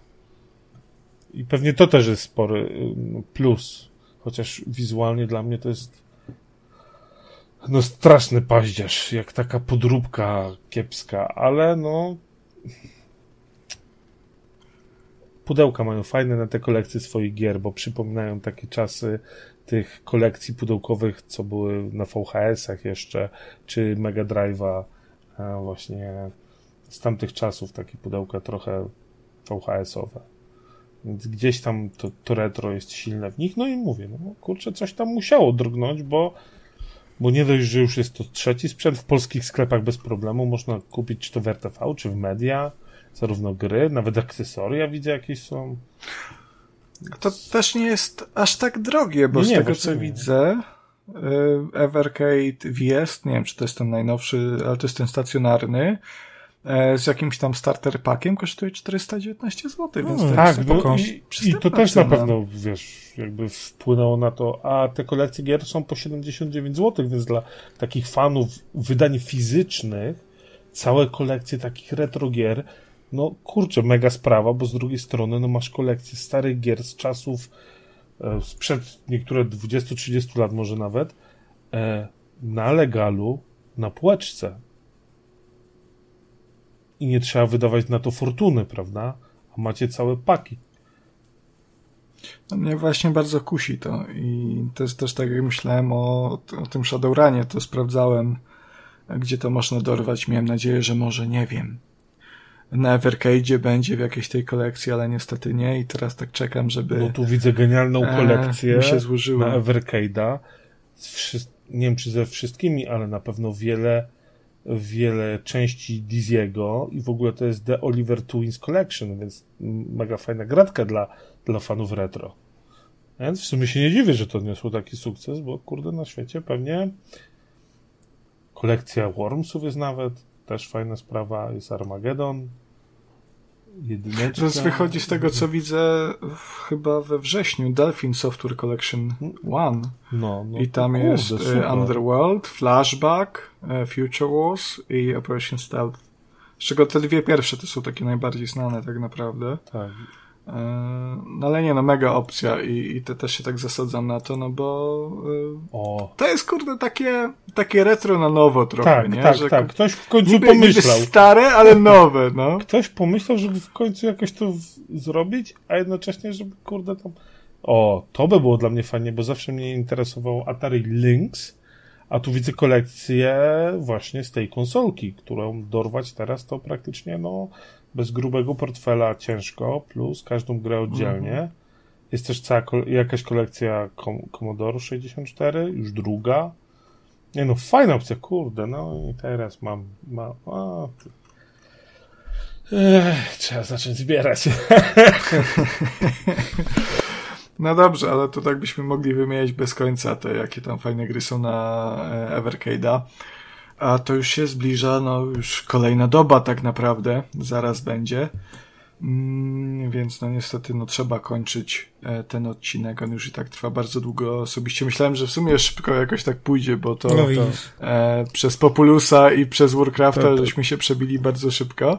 To A potem jak Robert zaco- zaczął z piaskami czasu, to uff. widzisz, no to. E, ale bardzo fajnie. No, ja, Gaduły ja to zapraszasz, lubię, jednak to lubię tak sobie jest, pogadać no. o gierkach. e, dobrze, to powiedzcie mi może w takim razie. tak na koniec odda, nie, oddam wam trochę czasu, żebyście powiedzieli, gdzie was można znaleźć. E, może, może zacznijmy przewrotnie od Roberta, bo przedstawianie zaczynaliśmy od Artura. To niech Robert teraz się wypowie, żeby sprawiedliwości stała się zadość. Robercie, gdzie cię można znaleźć? Mnie można znaleźć chyba nigdzie. W sensie nie mam Twittera. Najszybciej będzie po prostu patrzeć na kanał GamerWeba na YouTube. Pamiętam, że Twittera miałeś, Miałem, ale ale już nie do mam. pewnych sytuacji. E, W serial Władcy Pierścieni. E, Tak, tak było. No, e, szkoda. Ale w sumie dobrze, bo nie Dobrze. tracę czasu na Twittera. Cóż, dobra, czyli Robert Gamer Tak, na. GamerWebie E, najlepiej. Tak, tam zapraszamy, jeżeli chcecie teksty Roberta czytać. Natomiast Arturze, no to gdzie ciebie można znaleźć, bo ja nie wiem. W sumie to wszędzie. W domu można mnie znaleźć, w pracy można mnie znaleźć, na blogu pograne, na Twitterze, na, na Instagramie, na Discordzie, na, na Gmailu. No ja to jestem wszędzie. To taki mamy odcinek po prostu, kurde, z totalnie czarno-biały, przeciwieństwa. Jednego nie ma nigdzie, drugi jest wszędzie. No Nie no, kurde, znaczy mnie też można znaleźć w pracy i na Discordzie. Jeśli Na ktoś chciałby. Facebooku. Na Facebooku też można znaleźć, ale to konto prywatne, więc nie wiem, czy ktoś chciałby mnie dodawać do znajomych. Ale na Discordzie, jak ktoś chce, to może napisać. Jeszcze na Fediverse jestem, o. Na, ma, Jezus, na co to Mastodonie. jest? Na blipie. Blipa? Grono net. Nie miałem nigdy blipa, nie, nigdy nie byłem na grono. Czym jest blip? Ale, ale pamiętam swój numer gadu gadu 735 czy 312. Chyba konto jest cały czas aktywne. 576342 byku poklikasz? Piękne czasy. Dobrze. E, wszystkie linki e, do Gadu, kanałów, prawda? Do gadu gadu. Em, do gadu gadu Artura numer też znajdziecie w opisie, razem ze, ze wszystkimi linkami do Twitchów, Twitterów, innych tych różnych dziwnych serwisów. E, natomiast ja z mojej strony chciałbym podziękować e, wszystkim swoim gościom, może Jakubowi nie, ponieważ e, serce po tej zdradzie boli mnie nadal. Natomiast Arturowi, Robertowi bardzo serdecznie dziękuję za przybycie dzisiaj na ten zaskakująco długi odcinek. I cóż, no mam nadzieję, że nie nudziliście się, że bawiliście się dobrze, mogliście troszkę dać upust swojej pasji do retro tytułów, czy też ogólnie, czy też konkretnych. Ja się bawiłem bardzo dobrze z wami tutaj dzisiaj. Również. Em, no, to miło mi to Ja słyszeć. tak samo. No i cóż, Dziękuję za zaproszenie. no proszę, bardzo przyjemność po naszej stronie, prawda? Takie persony jak e, wy tutaj gościć. To jest no, dla nas zaszczyt. E, dziękuję też naszym słuchaczom oczywiście, że wytrwaliście, że jesteście tutaj z nami. Jeżeli chcecie się podzielić e, swoją pasją do gier retro, swoimi przemyśleniami, wspomnieniami na temat gier, o których dzisiaj mówiliśmy, czy też jakichkolwiek innych gier starych, o których byście chcieli powiedzieć, to jak najbardziej proszę, komentarze, YouTube, Twitter, e, na pograne nawet, bo też tam się pokazujemy, e, na Spotify'u, prawda, w sekcji Q&A, zachęcamy, chętnie przeczytamy, chętnie przyto- przytoczymy to na odcinkach. I cóż, no dziękuję Wam jeszcze raz wszystkim bardzo serdecznie. Do zobaczenia następnym razem. A Wiedersehen. Pa, pa. Cześć.